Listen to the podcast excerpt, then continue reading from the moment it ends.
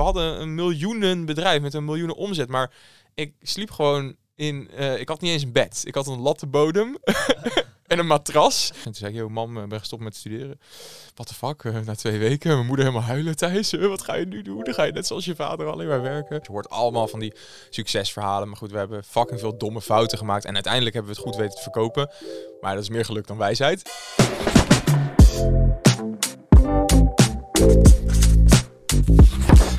Welkom bij de 92e aflevering van de Lotgenoten Podcast. De podcast voor ambitieuze ondernemers die op zoek zijn naar tips, tricks en insights.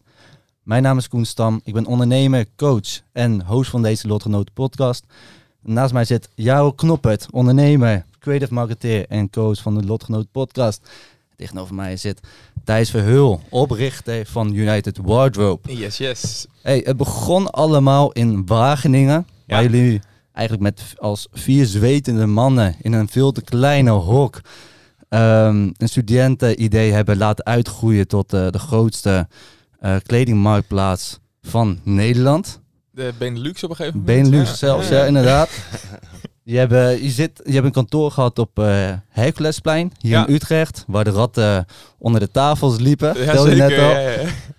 Maar daarna zijn we wel verhuisd naar, naar, naar het Neuden, hè? Ja, ook anti-kraak. Ook anti-kraak zelfs. Maar op een ideale plek wel. Ja, dat was ik, echt eh, het mooiste kantoor wat je ooit kan bedenken eh, in Nederland, denk ik al. Het is Ja, gewoon een super vet gebouw. Ja, Het vet stond man. helemaal leeg. En nu is zo'n bibliotheek, dus je kan gewoon naar binnen wandelen. Ja, Is het daar? je- Was het daar? Ja, ja, en dan heb je die Wow. open plek. En daar konden we gewoon chillen, hadden we feestjes. En, eh, Keihard. Wauw. Ja. Hoeveel Ja. betaalde je daarvoor dan? Ja, we hadden echt eh 300 vierkante meter voor 250 euro in de maand of zo. ja. Dit moeten wij ook hebben, jongen. Zo. Dat waren goede tijden, ja. Geweldig zeg. Maar ehm je hebben daar ook een investering gekregen van eh, maar liefst een eh, miljoen euro. Ja, toen we daar zaten hebben we een deal met Peak eh, Capital gedaan, Arthur Kosten. En toen hebben we 1 miljoen euro gekregen. Ja, Ja, later is dat nog meer geworden. een investering. In investeringen, inderdaad. Ja. Eh, maar voor de luisteraars ook, op een gegeven moment zijn jullie uitgegroeid tot wat, maar liefst 55 werknemers. ja, man. Was het allemaal daar? Eh, nee, dus eh, we gingen eerst in het Herculesplein. Of eerst hadden we geen kantoor. Toen naar het Herculesplein. Ja. Toen naar het Neuden. En toen naar de Oude Gracht. Of ja, de Vinkenburgstraat. Dat zit zeg maar boven de McDonald's. Als je op de Oude Gracht loopt Ja. in Utrecht. En daarboven hadden we een, een hele vloer en de zolder. En dan hadden we ook een eigen bar. De United Bardrobe. Ja, ja, ja, ja, was ja, het lachen. Foto's van gezien. Ja, ja, ja. Ja? Oh, vet man. Ja, En daar hebben jullie dus al die werknemers in kunnen proppen. ja, ja, we hadden best wel veel ruimte daar. Ja. Ja. Nou, op een gegeven moment zagen jullie wel dat jullie, eh, want jullie zijn toen verder gaan uitgroeien in België. En toen zeiden jullie, eh, nou, omdat we het nu ook al hebben vertaald in het Frans, gaan we ook lekker eh, in Frankrijk zitten Ja, met de United Wardrobe. Ja, Maar toen zagen jullie op een gegeven moment wel dat bijvoorbeeld Vinted echt een concurrent was. ja, zeker. Ja, Dat we hadden zeg maar... werd. En we hadden eh, een miljoen euro gekregen om eh, ja, het buitenland eh, te gaan veroveren. En we dachten echt van oké, dan hebben we 1 miljoen euro, dan, dan moet dat gaan lukken, weet je wel. Mhm. Dus toen hadden we eerst gewoon eh 50.000 euro aan marketing in Frankrijk uitgegeven en in Duitsland, ongeveer twee maanden lang. En gekeken van oké, waar rendeert het geld nou het beste? En wat bleek is dat Frankrijk echt gewoon drie keer zo goedkoop was om nieuwe klanten binnen te halen via voornamelijk influencer marketing en Facebook, Instagram marketing. Ehm, dus we dachten, oké, volle focus op Frankrijk. Dus dat ging ook super goed. Ik werkte volle bak met alle influencers daar. Ehm, ik spreek zelf wel een aardig woordje Frans. Dus op een gegeven moment ging ik naar Parijs. Heb ik daar een paar maanden gezeten om gewoon die Mm. deals sneller te laten lopen. Maar wat we merkten gewoon, ja, was het dan, dan deden we zo'n deal met een influencer, dat miljoenen volgers. En hadden we op één dag echt 30.000 nieuwe United Wardrobe gebruikers. Die kochten allemaal dingen, die plaatsten allemaal dingen. Dachten, wow, wow. Maar dan na een maand gingen ze allemaal weer weg. En dan Mm. moesten we weer die marketing de hele tijd aan de gang houden om ze erop te, te laten. En wat bleek nou, ze gingen ons gewoon proberen, een beetje testen. Maar ze gebruikten al Vinted. En dat was toen nog niet in Nederland. Dus ze gingen allemaal weer weg. En Mhm. op een gegeven moment kwamen we er gewoon achter van... oké, dit is niet rendabel. Of we moeten echt gewoon 30 miljoen euro ophalen en Vinted gaan aanvallen. Of moeten gewoon eventjes afkoelen en focussen op de Benelux. Precies. Daar hebben we toen voor gekozen. En daar, daar- gaan we straks nog allemaal Ja. diep op in. Wat ik nog even wil, eh, een preface wil geven. Ja. Dat jullie dus uiteindelijk voordat jullie eh, de exit gemaakt hebben in 2020 Mhm. en dus aan Vinted eh verkocht hebben, Ja. Hadden jullie 4 miljoen gebruikers in totaal. ja, hè? 4,5 miljoen. Ja. 4,5 miljoen. Even voor de mensen die dit luisteren, van dat was dus echt Die, die passen niet in dit kantoor. Ja. Nee, dat gaat net niet lukken. Ik denk Nee, dat we de nee. vier halen we misschien net Ja. eh, als we hard duwen. ja. Elke maand eh, verkochten we meer dan 100.000 kledingstukken. Dus dat is echt gewoon ja, ja. bootloads aan kleding. Ja. Ja. Ja, dat was heel vet. Bizar. Netjes Ja. man. Tof. Nou, uiteindelijk heb je het inderdaad dus eh, verkocht aan eh Vinted. Ja. En eigenlijk vind ik het wel leuk om daar super diep op in te gaan. Mhm. Maar ik wilde nog helemaal eigenlijk eh, weer aan het begin gaan beginnen. Je hebt trouwens wel een boek geschreven voor de Yes. mensen die iedereen kijkt. Hoe heet het boek? Voor hoeveel heb je het verkocht? Dat is de Nee, dat is- hamvraag. Dat is de Drop het in de hamvraag. comments. Nee. Drop het in de comments. Ja, ja. Blijf tot het einde Ja. kijken als je het antwoord wil Ja. weten. Bam, bam, bam, bam. Ja. Nou ja, dat was ook, zeg maar, gewoon als je kleding verkoopt, dan vraagt iedereen, oh, je zegt, oh, ik heb mijn Nike's gekost. Iedereen ook altijd, hoeveel heb je het verkocht, weet Ja, je wel? dat is echt Ja. standaard. En toen ik die exit had gedaan, toen zei iedereen, voor hoeveel heb je het verkocht? Hè? Dat was ook echt het eerste Ja. wat ik toen ik het las me afvroeg. Ja. Van, oké, voor hoeveel zou dit dan de deur uitgegaan Ja, zijn? ja, Ja, Ja, ook een boek, hè. Dat heet het ook. dus ik vond het een Ja. hele goede titel. Dus daarvoor Maar- eh, props. Heel slim gedaan. Als je het boek hebt gelezen, dan zul je erachter komen dat dat niet de belangrijkste vraag is. Ja, Mhm, ja. mhm. Hoop ik. Of geluisterd ook. Dat kan Ja, tegenwoordig Of ook. geluisterd, ja, het staat ook ja, gewoon ja, gratis op Spotify. Dus ja, het boek staat gewoon bol.com, 14,99, eh, Ja. e-book eh, 5 euro. Ja.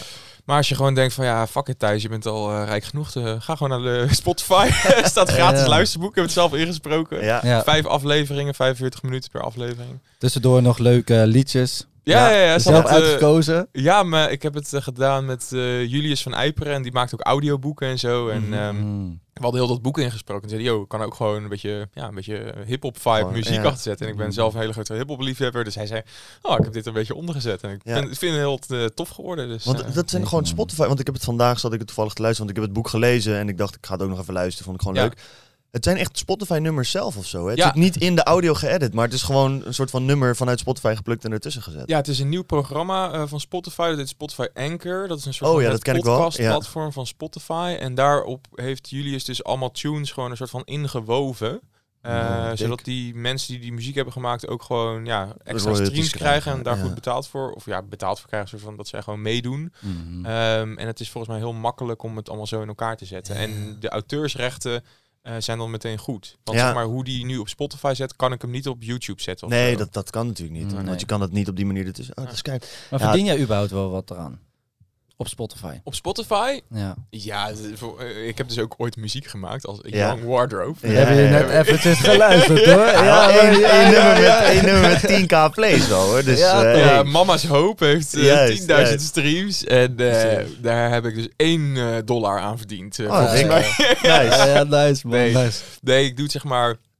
eh, het boek heb ik geschreven omdat ik gewoon mijn verhaal wil doen. En ik denk Mhm. dat jonge ondernemers en studenten er echt iets aan hebben om een soort van een beetje gewoon het eerlijke verhaal te horen. Want je hoort allemaal van die succesverhalen. Maar goed, we hebben fucking veel domme fouten gemaakt. En uiteindelijk hebben we het goed weten te verkopen.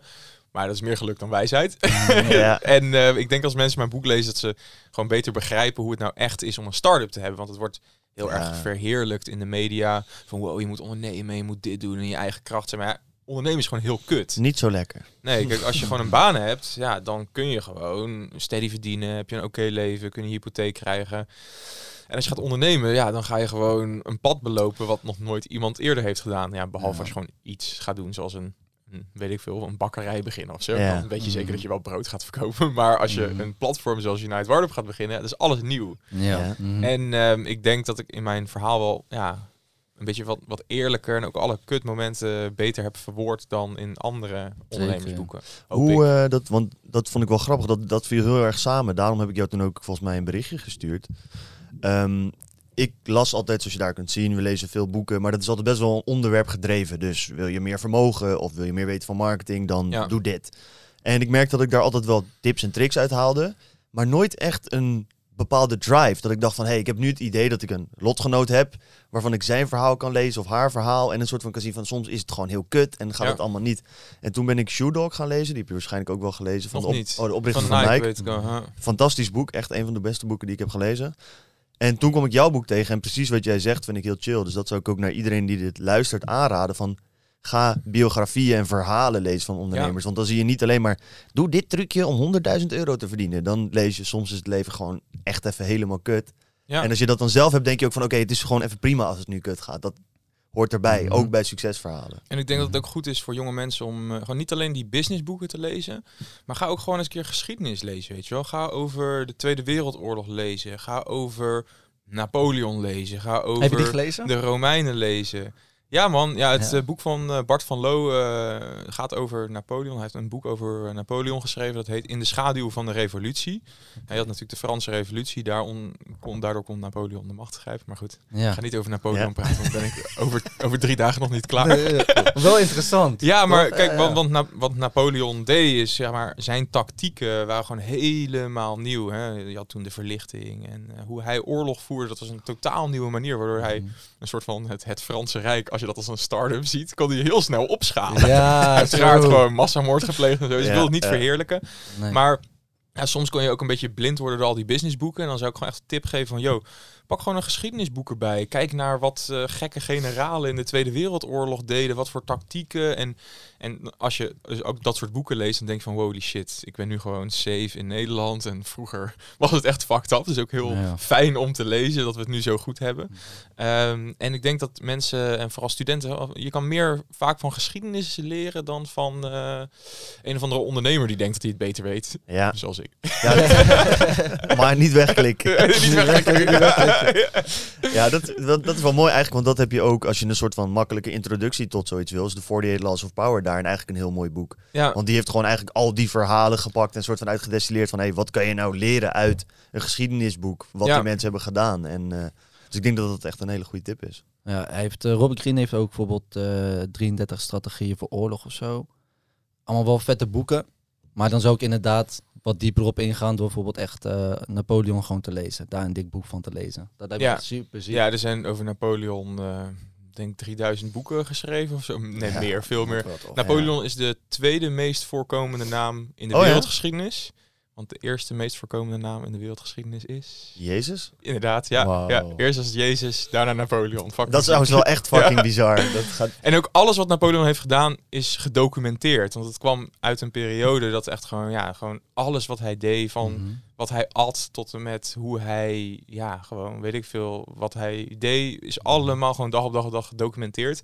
En hij heeft ehm, vanaf na de slag Waterloo heeft hij natuurlijk verloren. Toen is hij naar Elba, of nee, niet naar Elba, naar Sint Helena verbannen. Dat is een eiland eh, voor de kust van Afrika. En daar heeft Ja, hij zes ja. jaar lang aan een soort van een biografie gewerkt. Dus alles weten we van hem. Mm, Bijna bizar. alles. Vanuit zijn Wow. perspectief. Zeker. Ja, dat wel. En ja. toen probeerde hij het weer terug te komen. Probeerde hij weer Frankrijk Ja, over dat te was, nemen. dat, was, soort van dat was voor Waterloo. Dus zeg Oh, maar, toen hij, eh, hij ging in 1813 of 1812 ging hij naar Rusland. Dat ging toen helemaal mis. Ging met het grootste leger Ja. wat de wereldgeschiedenis ooit had gezien. Echt een, bijna meer dan een miljoen soldaten gingen ze naar Rusland. Nou, toen ging Rusland de, ehm, ja, de strategie van verbrande aarde toepassen. Dus hè, ze, ze branden alles af en dan trukken ze zich de hele tijd terug totdat ze in Moskou waren.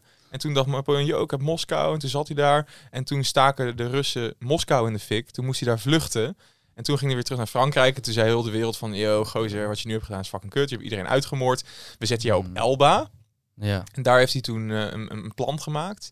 En toen is hij een soort van weer helemaal via spionnen is hij weer geland in Frankrijk. Toen weer de macht eh, overgenomen. Mhm. En toen wilde hij naar Waterloo trekken. Maar toen heeft eh, Nederland, Zweden, Pruisen, wat zeg maar nu Ja. Duitsland is, ja. een soort van coalitie gevormd. En Engeland natuurlijk, eh, generaal Wellington. En die hebben hem toen helemaal schaakmat gezet. En toen is hij weer met een privéleger weer naar Frankrijk gevlucht. Toen wilde hij naar de US vluchten. Want hij dacht, oké, dan ga ik daar wel gewoon iets doen. Maar ze zei, ja, oké, nu ga je naar Sint Helena. En toen hebben ze hem helemaal schaakmat daar gezet. En toen is hij, heeft hij zes jaar daar gezeten. En is hij dood gegaan, daar begraven.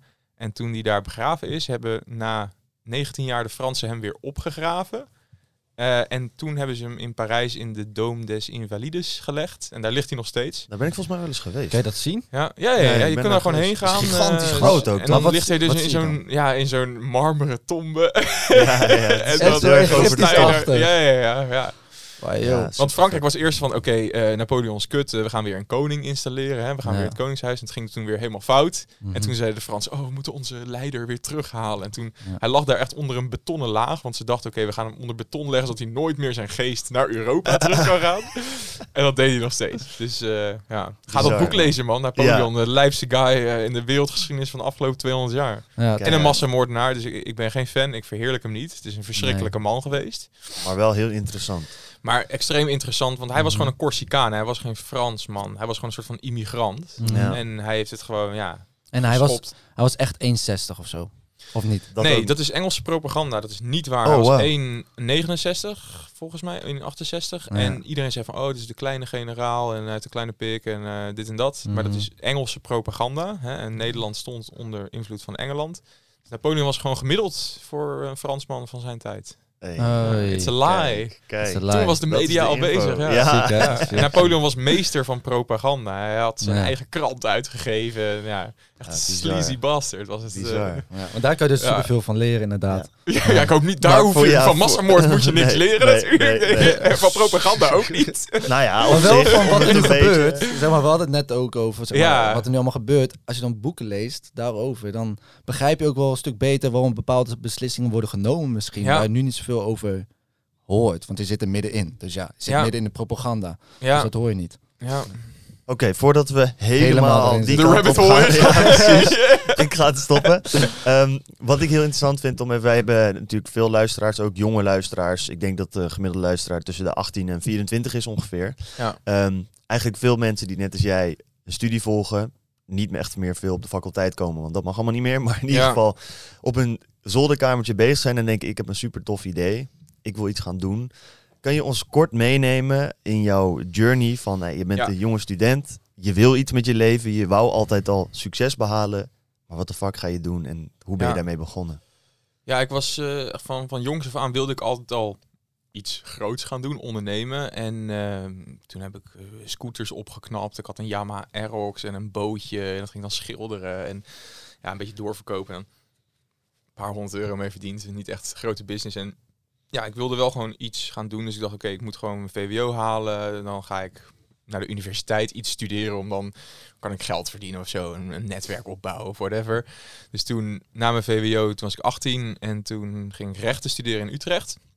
Nou, toen ging ik meelopen met die eh, uitweek. eh, dat was allemaal lachen. En op een gegeven moment eh, ging ik al die boeken halen. En toen dacht ik van, wow, dit zijn wel grote boeken en zo. En toen had ik mijn eerste eh, werkgroep college. En ik zat daar zo met zo'n 30 andere lotgenoten. Hey.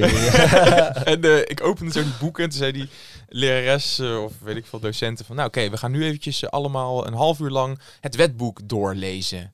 Oh, Oké, dus ik dat wetboek doorlezen. Nou, toen kwamen echt de muren kwamen op me af. Ik kreeg zweet.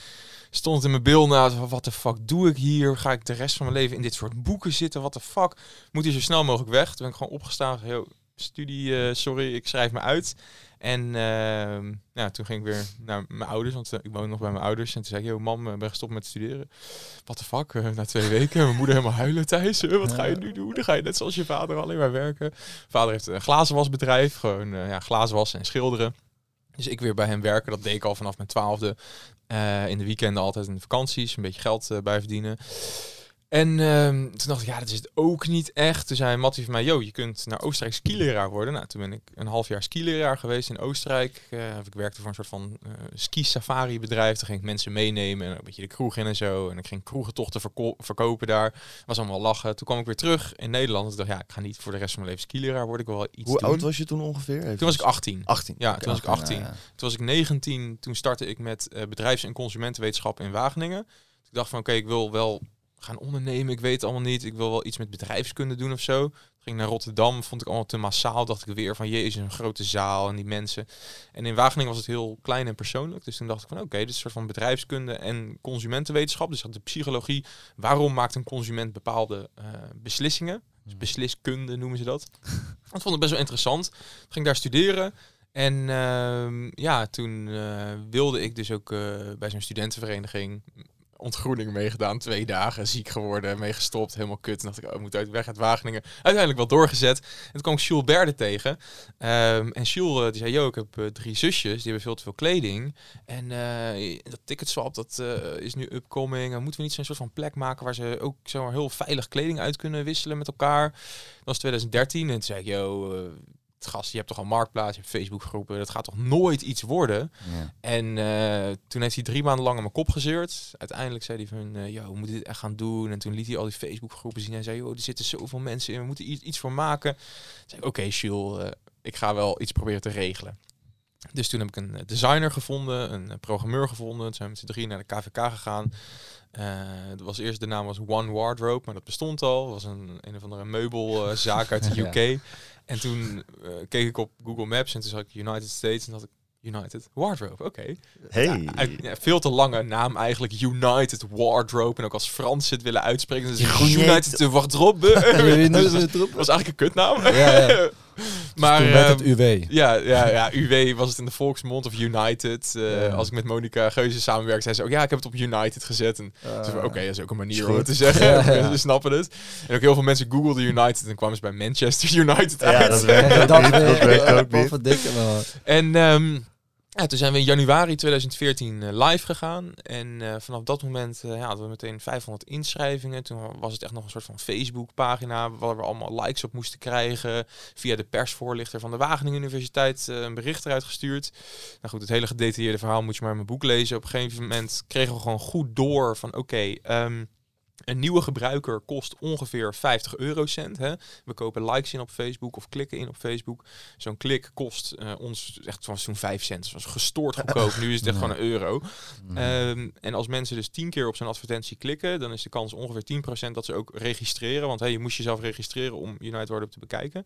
Ehm, en dan kost een gebruiker ons dus 50 cent. Dat was volgens mij iets hier rond die prijs. Dus we konden gewoon heel goed berekenen. Oké, elke keer als we meer transacties deden op het platform, investeerden we dat hele tijd gewoon terug in marketing. Dus we gaven ons 0 euro alleen maar herinvesteren, herinvesteren. En dan konden we gewoon opschalen. Dus dat was ook gewoon een goed verhaal voor investeerders. En eh, toen de eer- eerste investering kreeg, 250k, konden we gewoon zeggen van oké, jullie investeren nu 250.000 euro. We weten al gewoon dat we er zoveel gebruikers voor terugkrijgen die ongeveer zo'n omzet gaan doen. Ja. Dus onze eerste investeerders hadden al meteen zoiets van oké, yo, nou, dit is een model wat wel eens kan gaan werken. En die gasten hebben het al een beetje bewezen. En dat hele model, ja, dat, dat, is- toen gestoord gegroeid. En ik kan daar ook uren over praten. Maar uiteindelijk hebben we dat dus verkocht aan Vinted. We hebben heel slim influencer marketing toegepast. We hebben ja, investering op investering eh, opgehaald. We hebben zelfs van de Rabobank 750.000 euro kunnen lenen om kinderkleding in de markt te zetten. En, en daarover ik nog een vraag, man. Want Ja. ik zat zo na te denken, je krijgt natuurlijk een investering. En, ehm, maar als, als United Wardrobe gewoon echt super goed loopt en je, hebt Ja. gewoon, eh, je maakt eh, ook echt profit, Ja, ehm, dan is investering is fijn om echt groter te kunnen worden. Ja. Maar het is niet zo dat je verlies maakt, toch? Want het is, ik hoorde op een gegeven moment, eh, het zei je ook in je boek, dat je nog, eh, dat je nog drie of vier weken hadden met investeringen die Ja. jullie hadden. En dan hadden jullie weer iets nieuws nodig. Ja. En toen dacht ik, ja, maar als je, als je bedrijf goed winst maakt, dan zou dat toch niet per se nodig zijn. Nou, als je een eh, succesvolle start-up hebt in de beginfase, dan maak je geen winst. Hè, Dat, Nee. zeg maar, winst maken, dat, als je nu naar Amazon kijkt, hè, Amazon nog steeds niet, maakt nee. ook geen winst. Je herinvesteert voor je groei. Ehm, dus eh, ja, je weet je, je hebt gewoon die investering, die haal je op. Want heel veel, dat, daar word ik soms ook boos over. Dan zie je in de krant van, oh, deze, deze start-up heeft geld opgehaald. En dan denken ze van, oh, deze founders zijn nu ook rijk geworden. Nee, je moet fucking hard werken om die investering waar te maken. Want je, je, je presenteert een plan, je krijgt een waardering op je bedrijf. En daar moet je keihard voor werken. En 9 van de 10 start-ups, die falen daarin. En die hebben wel een investering gehad, maar die gaan daarna failliet. En dan heb je nog steeds niks. Dus weet je, wat ik, wat ik vertelde over die eh, customer acquisition kosten, hè, wat een nieuwe gebruiker kost. Ja, dat, dat moet je gewoon waar gaan maken. Dus je gaat gewoon dat geld gebruiken om te investeren. En dan maak je gewoon eigenlijk een verlies. Maar je groeit ook. Dus in de toekomst hè, ga je meer geld verdienen. Dus Ja. waarom alle aandelenkoersen stijgen. Een aandeel van een bedrijf is niks anders dan wat we denken dat het over zes maanden gaat doen. Ehm, dus als er nu Amazon opeens zegt in de media, we investeren 5 miljard in X, weet ik veel wat, in dit Mhm. bedrijf of in deze. En dan is het- de koers gaat omhoog, want mensen denken, oh ja, ze gaan nu investeren. En Amazon is super slim, dus misschien is die 5 miljard over een half jaar wel 6 miljard waard, weet je wel. Ja, precies. Oké, netjes man. Dus als je een goede start-up hebt en je kunt groeien Mhm. en je wil funding ophalen, dan er zijn natuurlijk altijd uitzonderingen, ehm, maar dan is winst maken, ja, dus niet het doel, dan is groeien het doel. En misschien Ja. groei je zo hard dat je een beetje winst maakt, dat hadden wij ook. Ja. Maar eh, ja, je, je, je hebt gewoon een, een, een beperkte markt en die wil je veroveren en dan moet je zo snel mogelijk doen. Mhm. Ja. Daarom noem je het ook wel groeikapitaal. Ja, inderdaad. Ja. Mhm. Ja. Ja, ja. ja super tof. man. En ik wel gewoon wat Ja, meer ik- weten heb- ik had, inderdaad. Ik was ik had, hoe ik dat had, nou precies zat. Ik weet niet of je verhaal al eh, zijn staart had eh, bereikt, maar eh, of je al... eh, Ja, Helemaal. dus, eh, Je had het over de investeringen inderdaad. ja dus, dus die investering die haal je op om te groeien. En natuurlijk kun je dan, zoals wij hebben gedaan, ooit een keer een exit maken. Ja. Ehm, eh, dat, dat was voor ons nooit echt het doel. We wilden de allergrootste kledingmaakplaats ter wereld worden.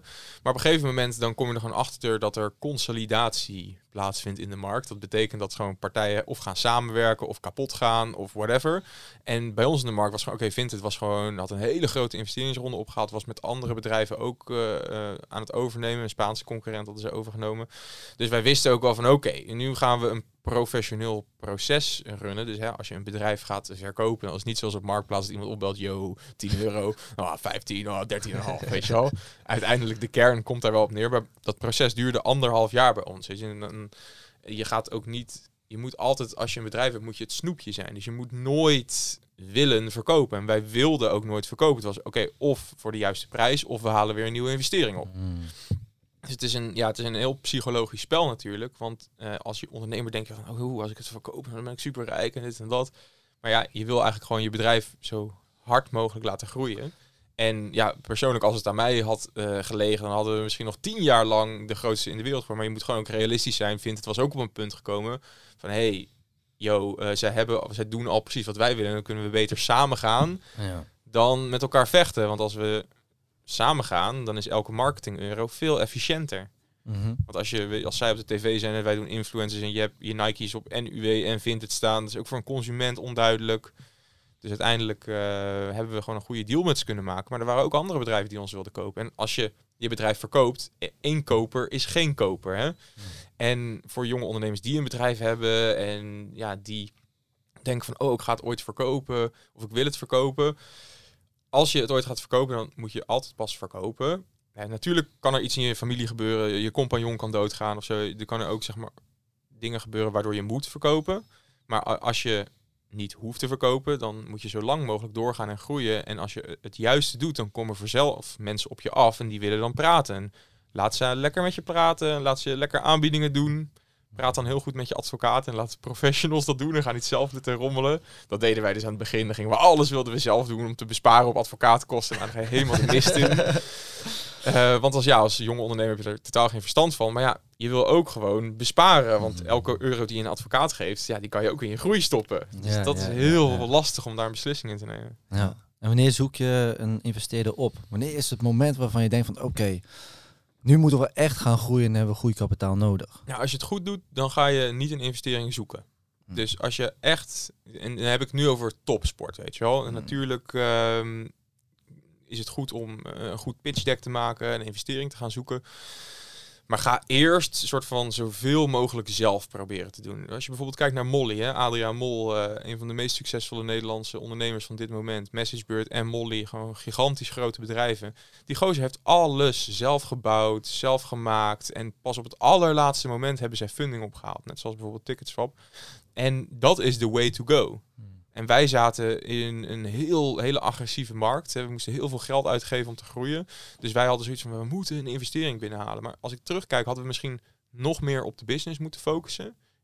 Aan het alle tijd die je in een investering stopt en investeerders zoeken, met investeerders praten. Ja. Je wordt helemaal hyped. Je denkt, oeh, ik krijg geld, maar Weet je, zo'n investering ophalen, zo'n proces kan een half jaar duren. Het is niet als je een mailtje krijgt van bijvoorbeeld als ik, ik praat ook met heel veel startups en heb ik ook zoiets van, ja, hey, zal ik een keer praten met jullie en zeggen, "Huh, waarom? Zeg ik, nou ja, ik wil jullie wel advies geven of misschien wil ik investeren.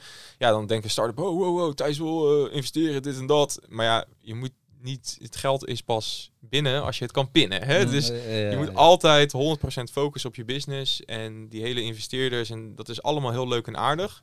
Als je het echt goed doet, dan kun je het zonder investeerders. Dus het is in je eigen belang om het zo lang mogelijk uit te houden zonder investeerders. Maar als je echt een goed plan hebt, je weet precies wat een nieuwe klant kost. Je weet precies hoeveel die oplevert. Hè?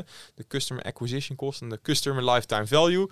Als de customer ac- acquisitiekosten lager zijn dan de lifetime value, ja, dan heb je eigenlijk een, een money machine. Ja. Mhm. Dus dan kun je een klant inkopen voor 1 euro, maar dan leeft die 2 euro op. Ja, dan wil iedereen daar geld in investeren. Maar dan moet je dat ook nog even gewoon een jaar lang bewijzen met groei. En ook als je je marketing gaat opschalen. Dat dat ook blijft Dan zo. dat blijft, want vaak is het, ja, de Als je lucht in ziet gaan. 10.000 Ja, euro uitgeeft op Facebook en de volgende maand is het 20.000 euro, dan is het niet dubbel efficiënt. Dan is het vaak maar een klein beetje. En dan wordt alles weer duurder. Ja. Mhm. Dus jonge ondernemers die dit horen, doe zoveel mogelijk zelf.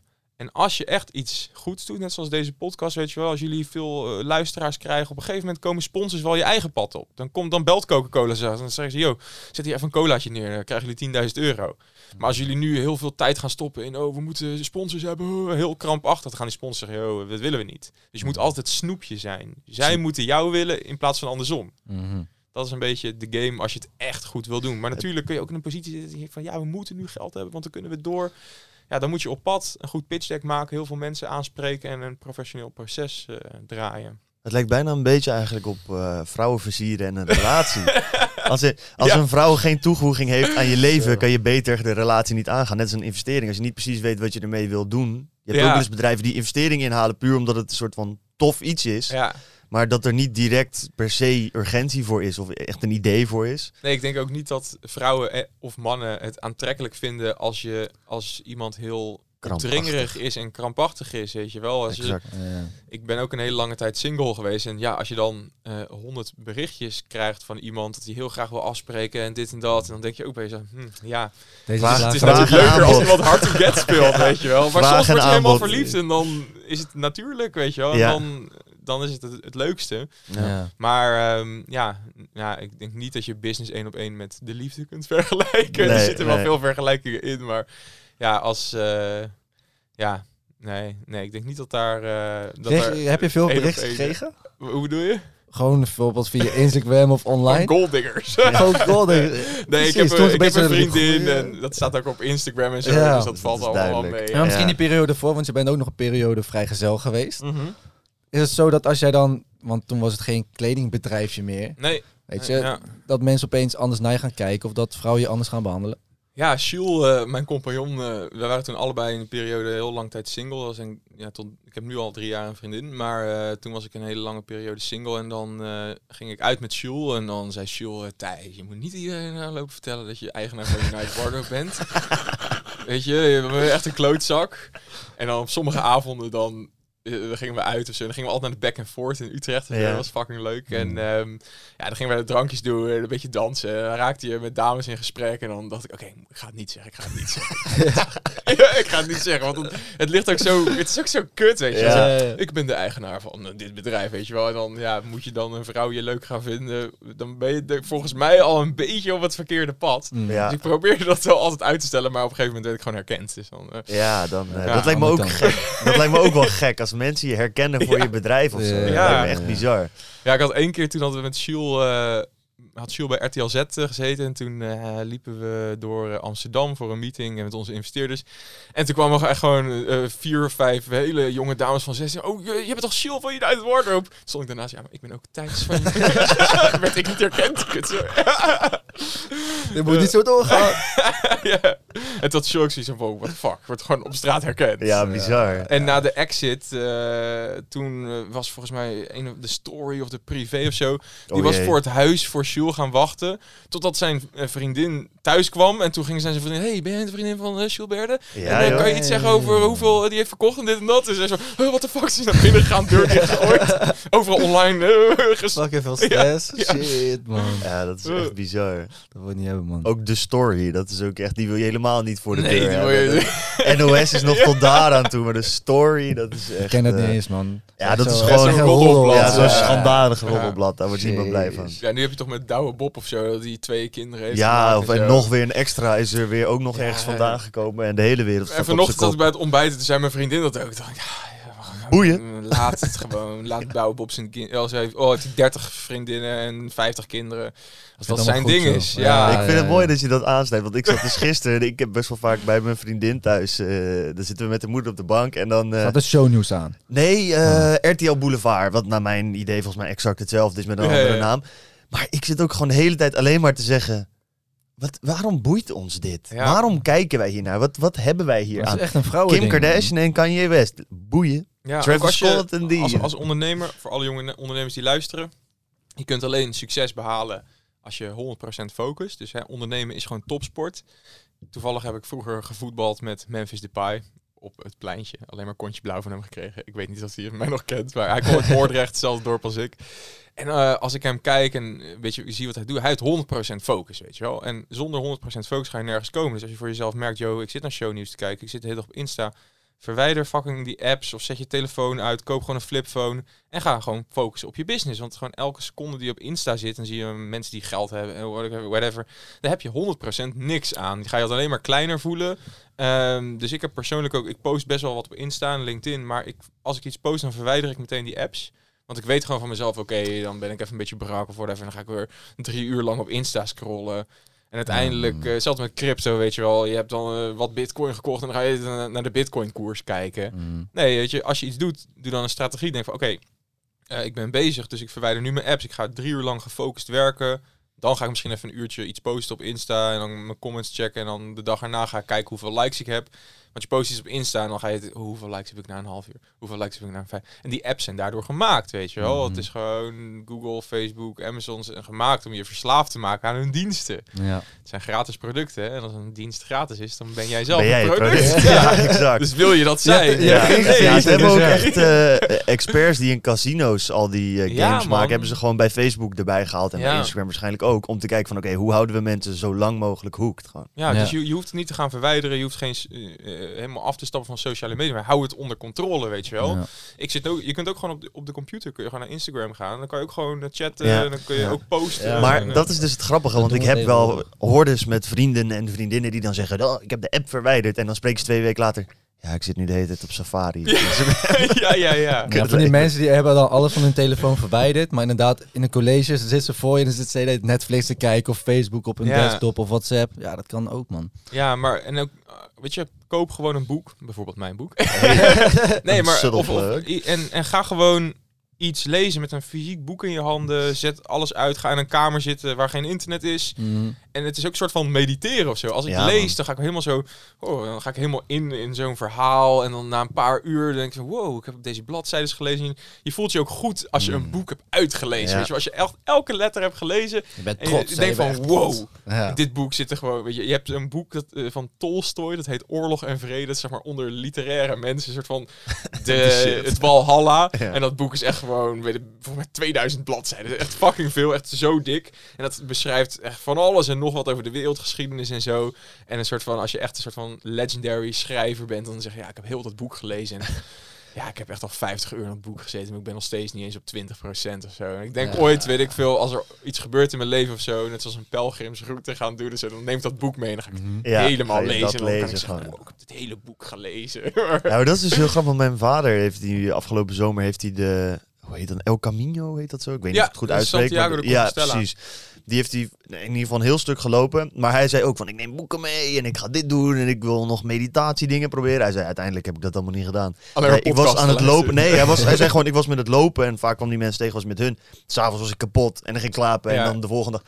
Hij zei uiteindelijk had ik helemaal niet zoveel tijd voor die soort van Voor die tot extra jezelf koming. Nee, Ja, want je man, bent echt klopt, bezig man. met dat, dat wandelen is gewoon best wel beuken volgens mij. Ja, man, ik heb eh, in mei eh, het Pieterpad een stukje gelopen met eh, twee maatjes. En eh, dat is een soort van ja, de Camino van Nederland. Eh, Mhm. het begint helemaal in Pieterburen of het begint in Maastricht. Nou, het gaat van Maastricht tot aan Groningen. Een super mooie wandelroute.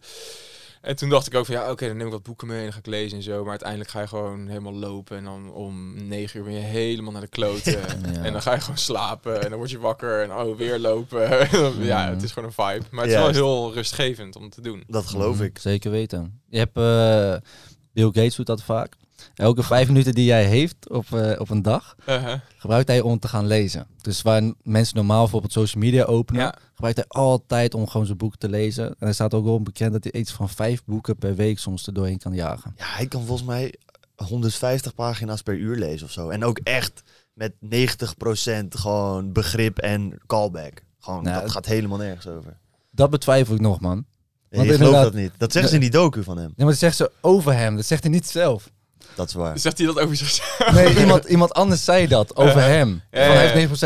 En toen dacht ik wel van, daarna zei namelijk zijn vrouw, ze- wat nu zijn ex is trouwens, van... Is ehm, Melinda zijn ex nu? Ja, Ja. dat is... eh, oh, is dat uit? Oh, ja, Nou, is ook is ja, dat is helemaal ding. eh.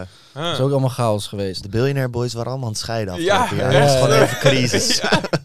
Maar die zei ook nog dat Bill Gates ook wel eens gewoon wat vergat. En ook heel erg chaotisch was. En dat hij ook gewoon toch dingen een mens. vergeet. Ja, Het is- Het precies. is gewoon een mens. Ja, we denken vaak dat zo'n persoon hier zit. Ja. Maar hij leest gewoon tegen veel. Dat is echt waar. Dat is Ja, dat is bizar. Ja. En als je dan wil lezen, een kleine tip. Zorg dan inderdaad gewoon dat je bijvoorbeeld twee weken in een huisje gaat zitten. In the middle of nowhere. En dan vijf boeken of zes boeken meeneemt die je echt graag wil lezen. En dan eh, jaag je die makkelijker doorheen, man. ja, of voor het slapen gaan, man. Ik doe de laatste Ja. tijd, eh, leg ik mijn telefoon in de huiskamer. En dan ga ik gewoon naar bed, heb ik zo'n digitale klok. En dan ga ik gewoon eerst even een kwartiertje of soms een uurtje gewoon chill lezen. Ja, man. Ja, En dan kan je ook veel beter slapen. Want als je, voordat je gaat slapen, bam, Insta, mail, ta, ta, en dan Nee, leg je je telefoon weg en dan ga je slapen. Maar als je heel je brein nog Ja, je bent In de werkmodus, wel, dan lig je nog-. Twee uur lang wakker voordat je kan slapen. Maar Klopt, man. merk je daarin niet dat dan de keuze qua boek ook weer heel belangrijk is? Ja. Want ik ben bijvoorbeeld Ja. nu dan het boek Scientific Advertising aan het lezen. Dat eh, gaat echt helemaal over een soort van eeuwoude informatie. Hoe je Mhm. het best kan adverteren. Best wel informatiecondens. Ja, als ik dat voor het slapen lees, dan krijg ik meer ideeën. Dus dan Ja. blijf ik wakkerder. Terwijl als ik bijvoorbeeld een biografie lees, dan is het meer verhalend. Dus dan kan ik gewoon ontspannen, zeg maar. Ja, 90% van wat ik lees is geschiedenis. Ja, Dus eh, ik ben bijvoorbeeld nu een boek over Carthago aan het lezen. Dat is een soort van heel oud rijk van 1814 tot en met de Romeinen in 136 voor Christus hebben ze het. Dus 1814 voor Christus ges- gesticht. Ja? En het is door de Romeinen kapot gemaakt in 136 voor Christus. Zo. En het was zeg maar een van de wereldrijken uit de, de oudheid. En ja, de Romeinen hebben daar alles verbrand. En we weten er heel weinig van, omdat ze heel die bibliotheek eh, van Carthago hebben gesloopt. Hebben ze overal gedaan? Ja, maar het was een gigantisch wereldrijk eh, in de ja, Middellandse Zee. En ja, daar ben ik dus nu over aan het lezen. En dan zie je heel veel vergelijkingen met de Romeinen. En wat de Romeinen met ons ver- in vergelijking weer hebben en zo. En dan, eh, ja, dan is het ook voor meer ontspanning of zo. En dan vind ik het echt heel interessant om daar meer over te weten. En dan, ja, dan helpt slapen ook wat beter. Maar als ik, weet ik veel, een boek over Bill Gates ga lezen... of over Jeffrey Bezos of over ondernemen... Dat doe ik vaak in de middag of op vakantie, want dan word ik helemaal hyped. En denk ik, Ja. oh shit, ik heb ook weer zin om iets te starten, eh, iets te doen. En dan- Ja, ik wil ja. dit aandeel kopen, want eh, ik heb net iets over hem gelezen. Ja, ja, word je te Je hyped. moet altijd iets doen, dat is het echt. Ja. Ja, man. Je moet het gelijk weer gaan toepassen, anders denk je van ja, het is zonde, want dat heb ik nu gelezen, maar als ik het nu niet toepas, dan vergeet ik het weer. Ja, daarom ga gewoon lekker geschiedenis lezen, weet je wel. Daar kan je ook Ja. genoeg van leren. Ja, zeker. Zeker. Zeker. Zeker ook op een persoonlijk vlak. Ja, Gewoon man. van voor persoonlijke ontwikkeling op een niet per se business vlak, maar gewoon wie jij bent als mens en hoe je kijkt naar de wereld. Ja, Heb je een e-reader? Eh, heb ik wel. Maar ik, ja, ik vind het chiller om gewoon zo'n softcover boek eh, ja, te ik hebben. ben echt super fan van e-reader. Dus ik las altijd boeken. Ik zei altijd, Ja. "Nee, fuck e-readers, het is vet om een volle kast te hebben. Maar sinds ik een e-reader heb, vind ik het helemaal fantastisch. Ja, het is beter voor het milieu ook. En eh, het sowieso, ja. Dat ook, ja. Maar ja, ik, heb gewoon, ik heb ook een oud ding. eh, waarvan- ik moet gewoon een keer een, een fancy one kopen Ja, die gewoon zonder draadje kan koppelen en zo. eh, want nu zit ik altijd met dat draadje en dan moet hij weer opstarten. En dan, ja. Ja. Ja, Duurt heel lang. voor vakantie is het ideaal natuurlijk. Ja, zeker, zeker. Ja, en wat ik ook heb bij die van mij is dat ik ook aantekeningen kan maken. Dus ik kan notities Oh, ja. maken en tekst erbij typen als een soort van tablet. En het staat ook online dan En dat kan ik volgens mij ook inderdaad nog met de computer koppelen. Dus dan is het wel relaxed. Dan heb je een soort van gelijk gewoon een overzicht van oké, dit heb ik eruit geplukt. En Ik heb ook gelezen dat je dat weer met Notion kan koppelen. En Notion is dan zo'n applicatie, net als OneNote, waar je gewoon al je Ja. notities in zitten en kan zetten. Maar dat het letterlijk gewoon een lijstje maakt met al je notities. En dan Ja. kan je vanaf daar kan je het weer eruit plukken. Als je bijvoorbeeld daar een eh, spreekbeurt over wil houden, jongens, voor iedereen tussen de 14 en 18. ja, Dan kan je dat heel makkelijk doen. ja. Dus Ja. dat, vind ik wel, dat vind ik wel echt eh, nice. Maar boeken hebben ook wel iets. Maar sommige boeken zijn echt irritant om te lezen ook wel. Soms heb je van die hele grote boeken. Ja, man. Onmogelijk om te lezen. Dat je eigenlijk alleen maar kan zitten op een stand en dan bladzijde voor bladzijde moet lezen. Ja, ja, ja. Je kan dat niet in bed lezen. Als dat op je gezicht valt, dan ben je overleden waarschijnlijk gewoon. Het is een baksteen. Hij wilde over geschiedenis lezen, maar nu is hij dood. Ja, helaas. Ja, ja. ja. Wat is jouw eh, favoriete boek dan? Ja, Oeh. nou ja, dus wat ik zei, dus eh, de, de schaduw van de revolutie eh, van, van Bart van het Lo of Bart van Lo. Bart van Loof. Ja, mij, ja. En ehm, dat las ik in een periode dat United Wardrobe gewoon, dat was denk ik in de zomer van 2018 of zo, toen zaten we echt een hele moeilijke periode. We moesten toen best wel wat mensen ontslaan, omdat Frankrijk niet eh, werkte volgens prognoses. We moesten heel het bedrijf weer ondersteboven keren om er weer achter te komen hoe we konden groeien. Ja. Dat is uiteindelijk allemaal gelukt door Napoleon. Nee, grapje. misschien wel, misschien heeft dat invloed. Het is wel gelukt. En toen ik dat boek las en ja, dat verhaal van Napoleon, hoe hij een soort van als gewoon... Hij werd ook gewoon gepest eh, toen hij klein was. Ik werd vroeger ook gepest. hè. Iedereen tegen mijn vuurtoren. En Ja, ik was ja. altijd aan DAD, dus ik had altijd ruzie met iedereen. Ik geef ze geen ongelijk. En... ehm, En toen dacht ik, wow, deze guy. En toen ging hij ook heel veel lezen en zo. En toen, ja, toen ging hij heel snel carrière maken in het Franse leger. En dat was zeg maar not done voor, voor die tijd. Want vroeger was echt, moest je van adel zijn als je een generaal wilde worden of zo. Maar na de Franse revolutie, hè, toen het koningshuis, eh, soort van, hè, toen de hoofd van de Louis XVI werd afgehakt. En daarvoor ook in de Franse revolutie ging heel erg om van, oké, power to the people. We gaan het zelf doen. En eh, ja, de adel eh, zit maar op ons te drukken, dit en dat. En eh, ja, toen ging hij dus ook een leger bouwen van allemaal schoenmakers. Die maakte hij gewoon generaal en zo. En dat werkte veel beter en had zieke strategieën. En toen las ik daarover en dacht ik, wow, deze guy was echt zieke genius. Hoe hij dat allemaal heeft bedacht. Hij was natuurlijk ook een massamoordenaar, maar ook een genius. Hè? Het kan soms een beetje samengaan. En ehm, ja, daar haalde ik toen best wel inspiratie uit. Hoe hij soort van gemotiveerd was na elke tegenslag die hij had, ging hij gewoon door en door en door. En dan lukte het hem net weer door ziek veel geluk te hebben. En toen eh, ik dat las, eh, toen had ik echt zoiets van wow. De geschiedenis kan zo interessant zijn. Want ik las altijd over Napoleon. eh, ik weet niet wie het is. En, saai, muffig. Maar alles wat, we, zeg maar, wat er nu vandaag gebeurt, het is allemaal komt doordat we heel veel dingen in het verleden zijn gebeurd waar je niks van weet. Ja. Ja. En eh, Zero to One van Peter Thiel, als je bus- businessboeken wil lezen, dan is dat wel echt, eh, ja, die moet Hij erbij staat ergens. Ja, daar staat staat die gele. Ja, ja, ja, ja, Een van de eerste boeken die ik had Zal ik hem gelezen. voor de camera eventjes Ja. oh, Oh, niks ja. gaan slopen? Echt dat boek, jongen. Ja. Toen ik hem las, dacht ik ook van, ik wil gewoon een business beginnen. Waar de hel ga ik beginnen? Zero to One van Peter Thiel. Peter Thiel is volgens mij wel een van de grootste investeerders achter Ja. de campagne van Trump ook en zo. Oh ja, ja, dat is een beetje. Hij is de founder van PayPal. Samen met Elon. Musk heeft hij PayPal uh, en groot een gemaakt. bizarre investeerder. En in, een eh, bizarre investeerder, ja, ja. Dat gaat helemaal hij heeft, nu, over. hij heeft nu een beursgenoteerd bedrijf, Palantir of zo. eh, daar, daar zit hij nu ook in of bij. Of zo. Hij runt het niet zelf, maar is een van de grote investeerders. Er zijn allemaal notes nog ertussen. en ja, dit is... Allemaal noos ook door elkaar, zeg Ja. maar. Zie je dat? Ja. En het, ja, dat boek beschrijft gewoon heel goed ja, hoe je van nul naar één kunt komen, maar ook een beetje eh, ja, wat, wat, wat, zeg maar, hoe Na- eh, Napoleon, hoe Ja. monopolies daar een rol in spelen. Hè? Ja, Ja, dat man. geloof ik wel. Dat Dat is elke bizar. start-up, elk IT-bedrijf, ja, je streeft er een beetje naar om een monopolie te worden. Hè? Ook al is dat Mm. natuurlijk verboden. Ja. Hè? Eh, en nu hebben we, zeg maar, Facebook en Google hebben een duopolie. Hè? Ja. 85% van alle online advertenties gaan via Google en Facebook, volgens mij. Don't get me wrong. Maar TikTok is op TikTok rise. uh, maar is on dat, the rise. eh, The Chinese are coming. Ja, dat is. nee, maar het is ook een heel klein boekje. Net zoals mijn boek toevallig ook. hey, Hey, hey. Eh, combinatiedeal. Ja, ja, combinatiedeal op bol. Ik pel nu bol.com. We gaan nu een combi-deal doen. hè. Nee, en ehm, ja, dit is wel echt gewoon overal waar ik kom. eh, start-ups, investeerders. Iedereen heeft dit boek gelezen. Ze zien het echt Ja. een beetje als de start-up bijbel. Het is heel makkelijk geschreven. Het zijn allemaal leuke ja, grafiekjes. Even kijken of ik wat, wat bij kan pakken die gewoon... Ja, allemaal van die, ja, gewoon... Wow, zo, je hebt echt Ja, is- hardcore dit eh, gelezen, man. ja. Maar het is, lang, is lang geleden. Ik denk alweer drie jaar geleden of zo dat ik dit boek heb gelezen, man. Eens even kijken of ik er nog iets slims uit kan halen waar ik iets slims over kan zeggen. Nee. Wat al die verschillende personages achterin zitten. Ja, hier de PayPal team in 1999. Weet je, ja, gewoon gekke nerds. Ja, Als je echt serieus money wil maken, ja, dan moet je een gekke nerd zijn natuurlijk. Ja, hackers. Ja man, ook voor alle jonge kids die En hippies. luisteren en je denkt, ik weet niet wat ik wil, zit in een fase van mijn leven, wat ik wil studeren. Ga naar YouTube, kijk tutorials, begin gewoon met Java of met eh, gewoon een super makkelijke taal. Ga gewoon een beetje kijken of je een servertje kunt hosten of je eigen website online kan krijgen. En ga gewoon jezelf het aanleren, want je hoeft niet naar school te gaan om te leren programmeren. Alles staat op YouTube of Stack Overflow.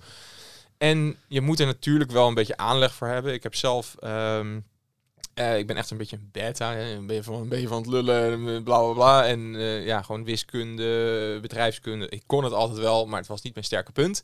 Eh, maar als jij gewoon wiskunde lachen vindt of natuurkunde, ja, dan ga je programmeren.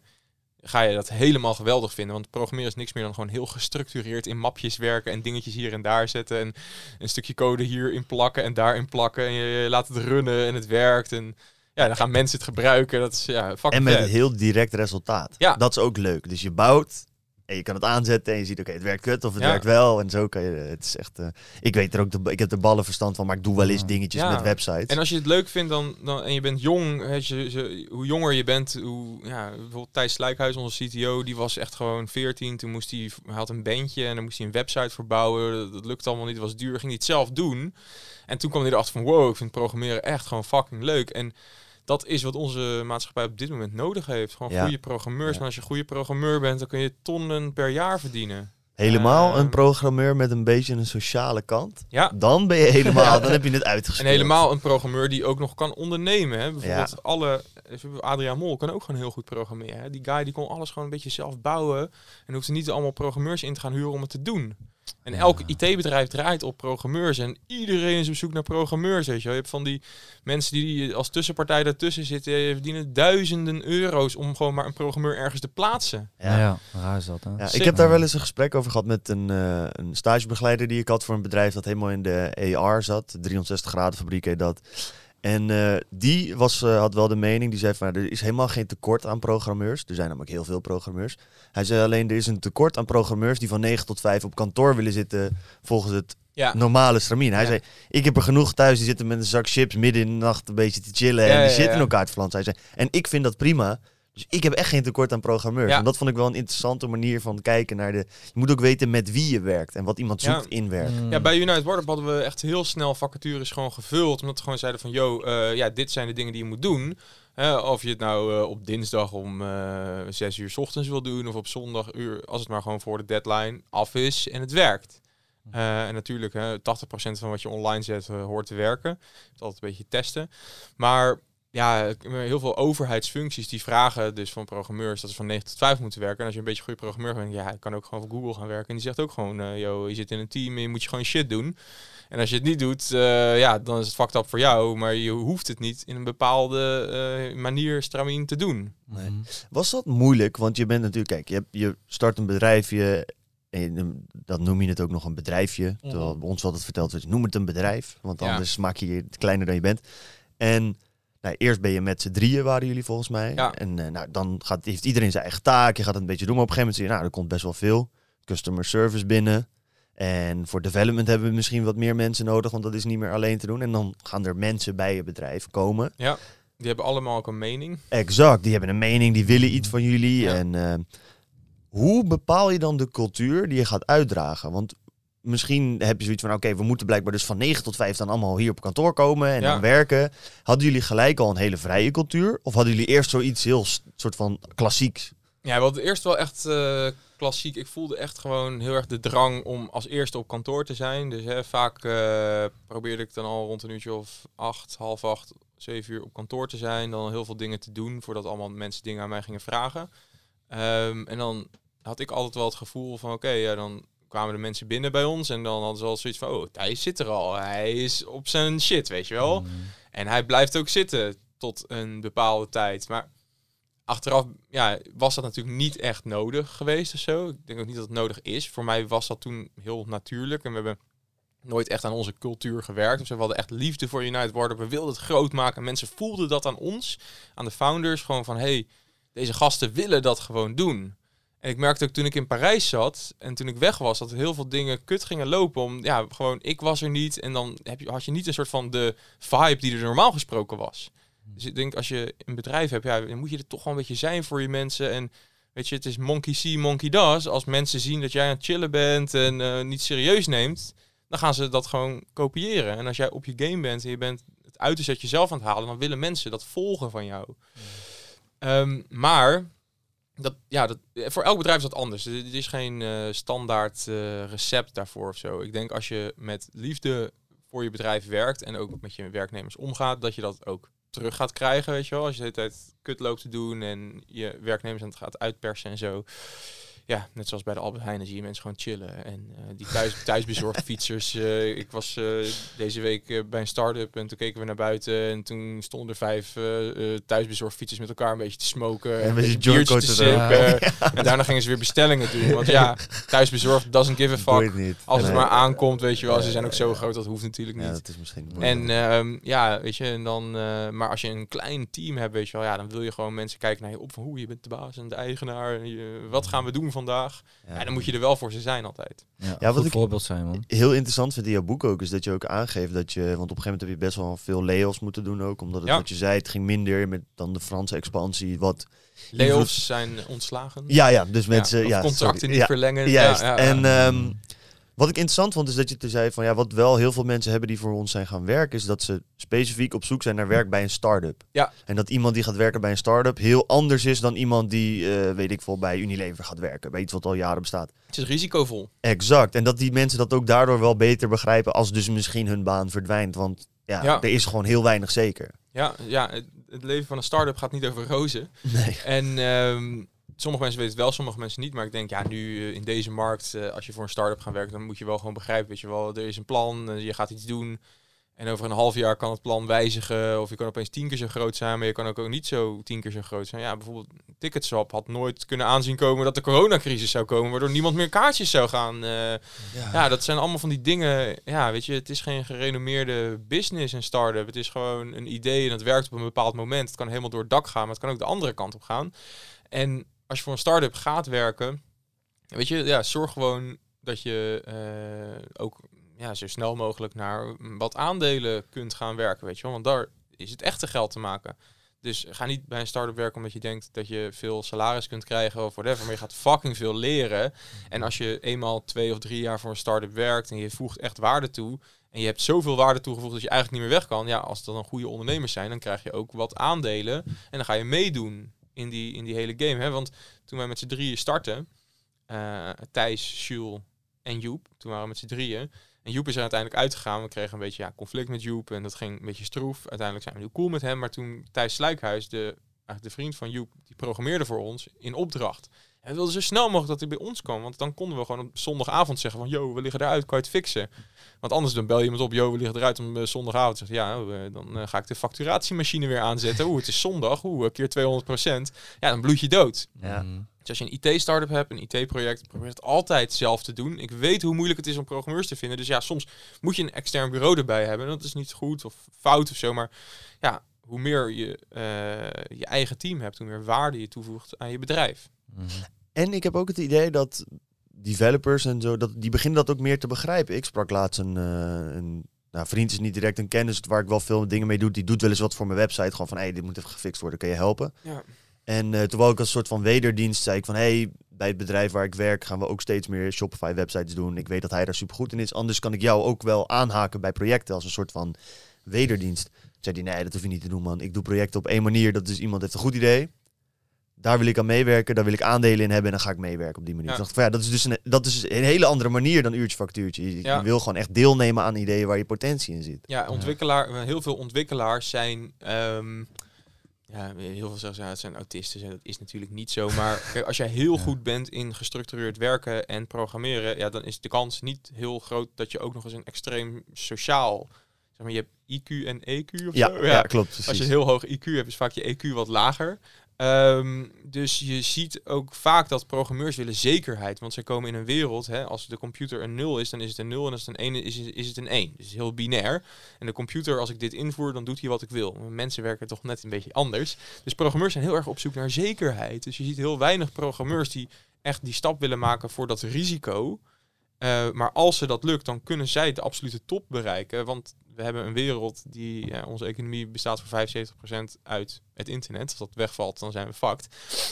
En ja, als je dat als programmeur begrijpt, van oké, ik kan programmeren, ik ben heel bewust van mijn eigen skills. En je gaat naar een bedrijf toe om ergens te werken en je kunt echt een hele grote stu- stuk aandelen eh, krijgen. Maar heel veel programmeurs zeggen, nou, ik hoef geen aandelen, geef maar meer salaris. Ja, Maar ja, die aandelen kunnen over drie jaar honderd keer zoveel waard zijn. Mhm. Maar ze kunnen natuurlijk ook niks waard zijn. Ja. En dan zie je toch vaak dat programmeurs voor die zekerheid geven. Gaan. Ja. Maar als je echt serieus bent, zoals die guy, ja, als je vanaf het begin meedoet, je kunt meteen al, weet ik veel, de helft van de aandelen of een derde krijgen. Je gaat alles zelf doen, je neemt ook al dat risico, maar je weet van jezelf, ik kan fucking goed programmeren. Ik ga een ziek product bouwen. Ja, dan kun je heel is de upside hoog. Rijk worden. Ja. Ja. Ja, Ja. ja dat vind ik, vind ik ook wel. Ik weet niet of jij eh, hier nog een vraag Nee, nee, nee. Oké, want ik zit helemaal in mijn... Ik zit ook alleen na te denken. Ja, Ja, precies. Nee, het was, dit ging eigenlijk helemaal niet over programmeren. Want wat je aanhaakt is, dan kan je superrijk worden. En dat is eh, natuurlijk iets waar elke ondernemer mee bezig is. Of in ieder geval, ik denk dat veel ondernemers naast een passie en een drive voor wat ze doen... ook wel zoiets van, nou, ik wil graag veel geld verdienen. Ja. Hoe is die eh, balans bij jou geweest? Want je gaf net al aan, je moet een bedrijf eigenlijk niet starten puur gericht op verkoop. Nee. Want dan ga je in de functie zelf ook al andere dingen doen. Dan ben je eigenlijk alleen maar daarmee bezig. Hoe heb je die balans gehouden? Want op een gegeven moment zie jij misschien in, oh, dit kan ik voor life-changing amount of money. Ja. Kan dat van handen gaan? Ja. Maar ik moet ook nog steeds de energie houden van we willen dit zelf helemaal naar de hemel schalen. Eigenlijk. Hoe? Ja, Jules eh, was daar echt eh, heel erg eh, mijn mentor in. Uh, Jules is echt iemand die een compleet andere persoonlijkheid heeft dan ik. En ik was altijd van, ehm, nou, zeg maar, want we, we deden natuurlijk United Water, bouwden we om impact te maken. We wilden echt tweedehands kleding de norm maken. En dat, dat zeg ik niet omdat ik er een groen verhaal aan wil hebben. En natuurlijk zou ik het, als je op dat moment vraagt, "Yo, waarom begin je het? Dan had ik ook zo van, ja, ik wil iets groots doen. En was niet per se, eh, natuurlijk zou het heel mooi zijn op dat moment om financieel onafhankelijk te worden of whatever of zo. Maar we wilden ook gewoon iets vets doen. Natuurlijk wilden we ook uiteindelijk rijk worden ermee of whatever, hoe je, hoe je het ook wil zeggen. Maar we wilden echt doen omdat we echt lachen vonden om impact te maken, weet je wel.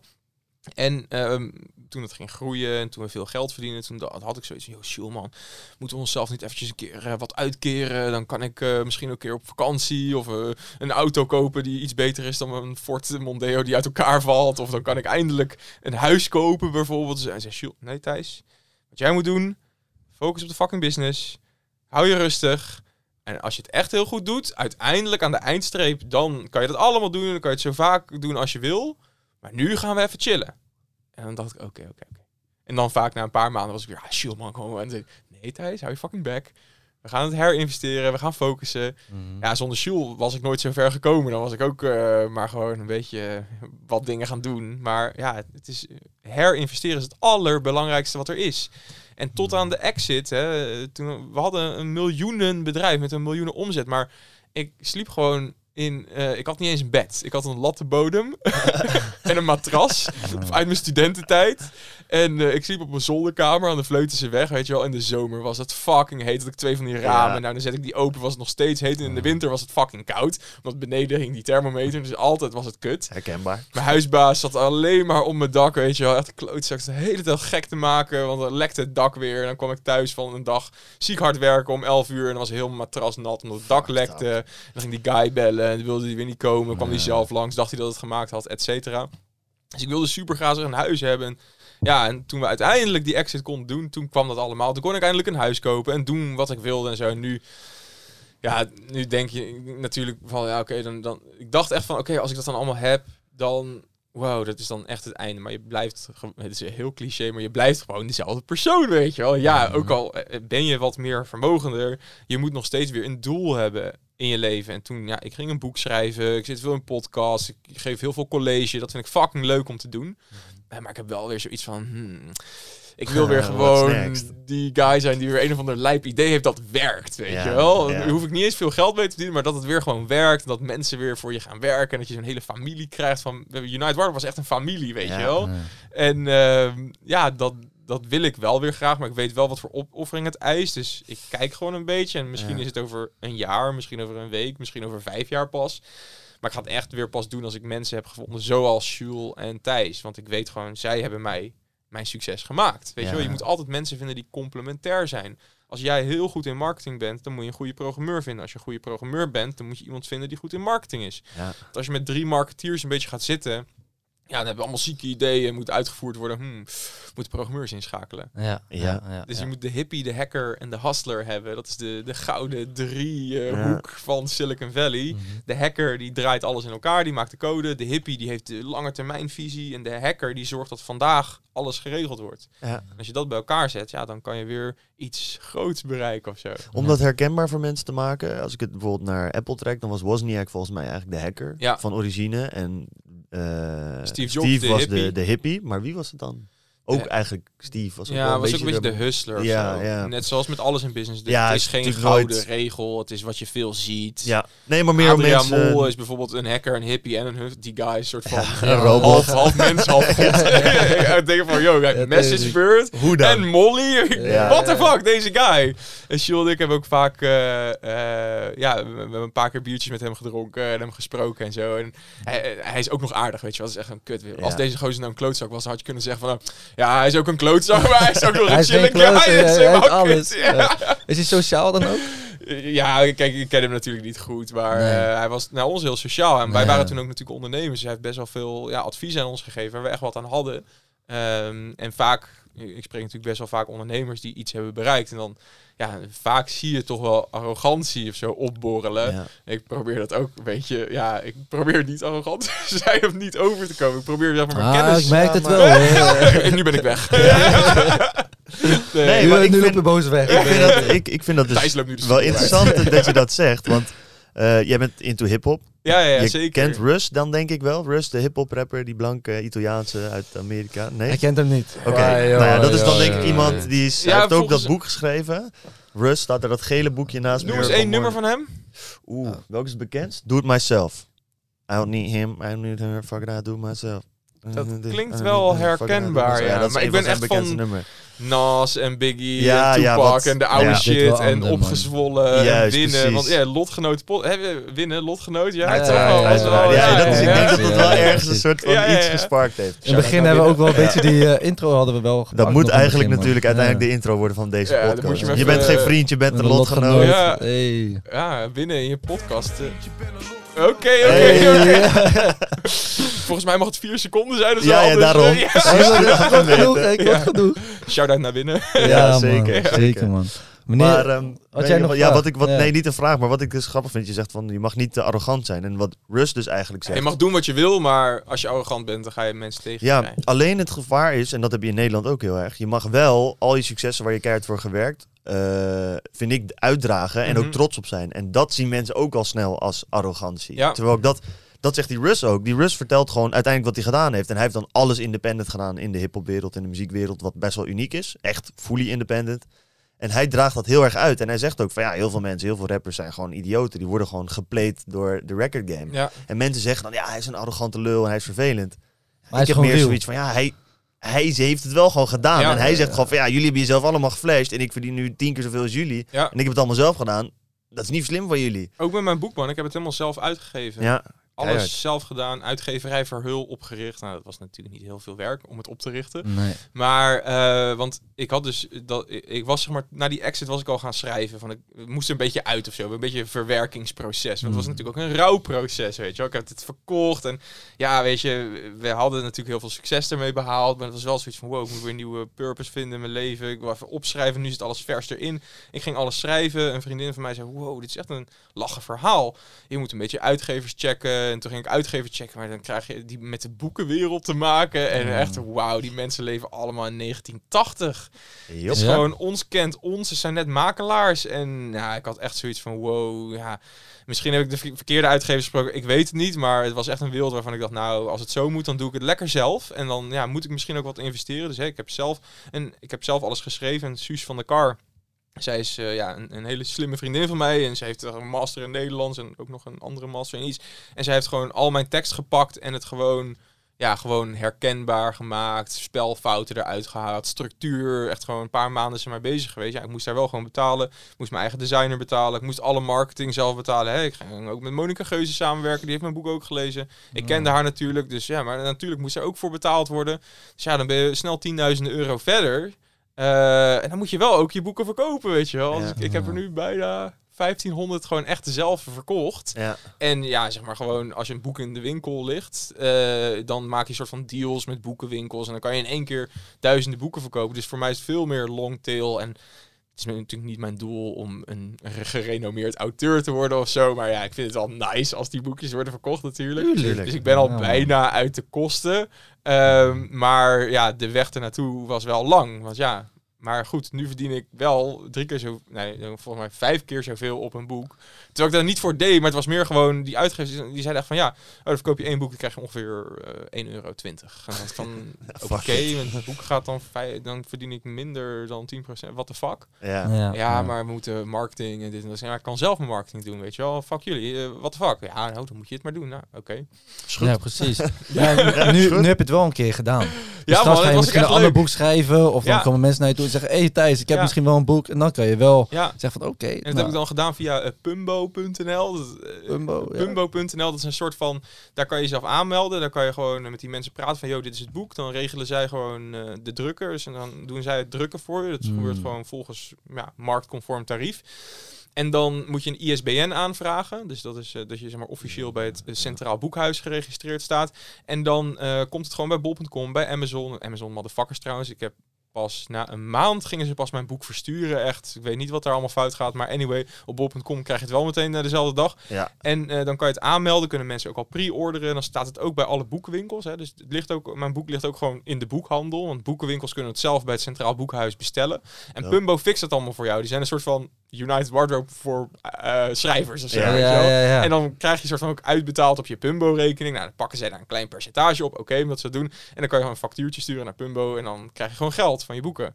Ja. En dan als je dus zelf een schrijver bent, of je wil een boek schrijven, maar je weet precies hoe de marketing game werkt, zoals ik, denk ik. Ja. dan, ja, dan hoef je niet naar een uitgever te gaan. Nee. maar je moet je wel allemaal zelf schrijven. Je moet zelf het design doen. Je moet zelf de redactie doen.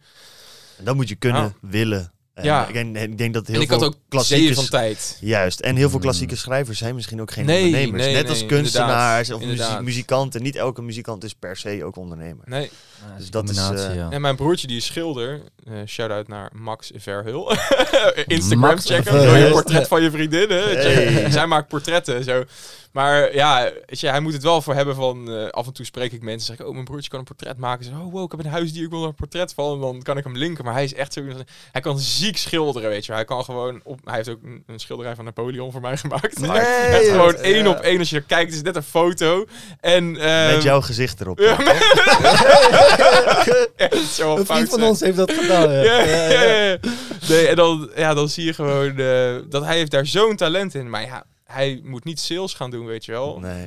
Want dan uh, hij vindt het niet leuk. ja. Hij gaat tegen zijn persoonlijkheid in. Want ja, hij is artiest, dus hij wil niet zichzelf verkopen. Dat vindt hij cheesy. Ja. Ja. En dan, ja, dan heeft hij, net zoals Vincent van Gogh, zijn broer ook, was die lijpe sales guy die hem in al die art galleries kreeg en zo. Echt waar, joh? Ja, en Vincent van Gogh die was gewoon helemaal loco. Ja, die was maar dat kwijt. was toch pas na zijn dood dat hij echt bekend werd?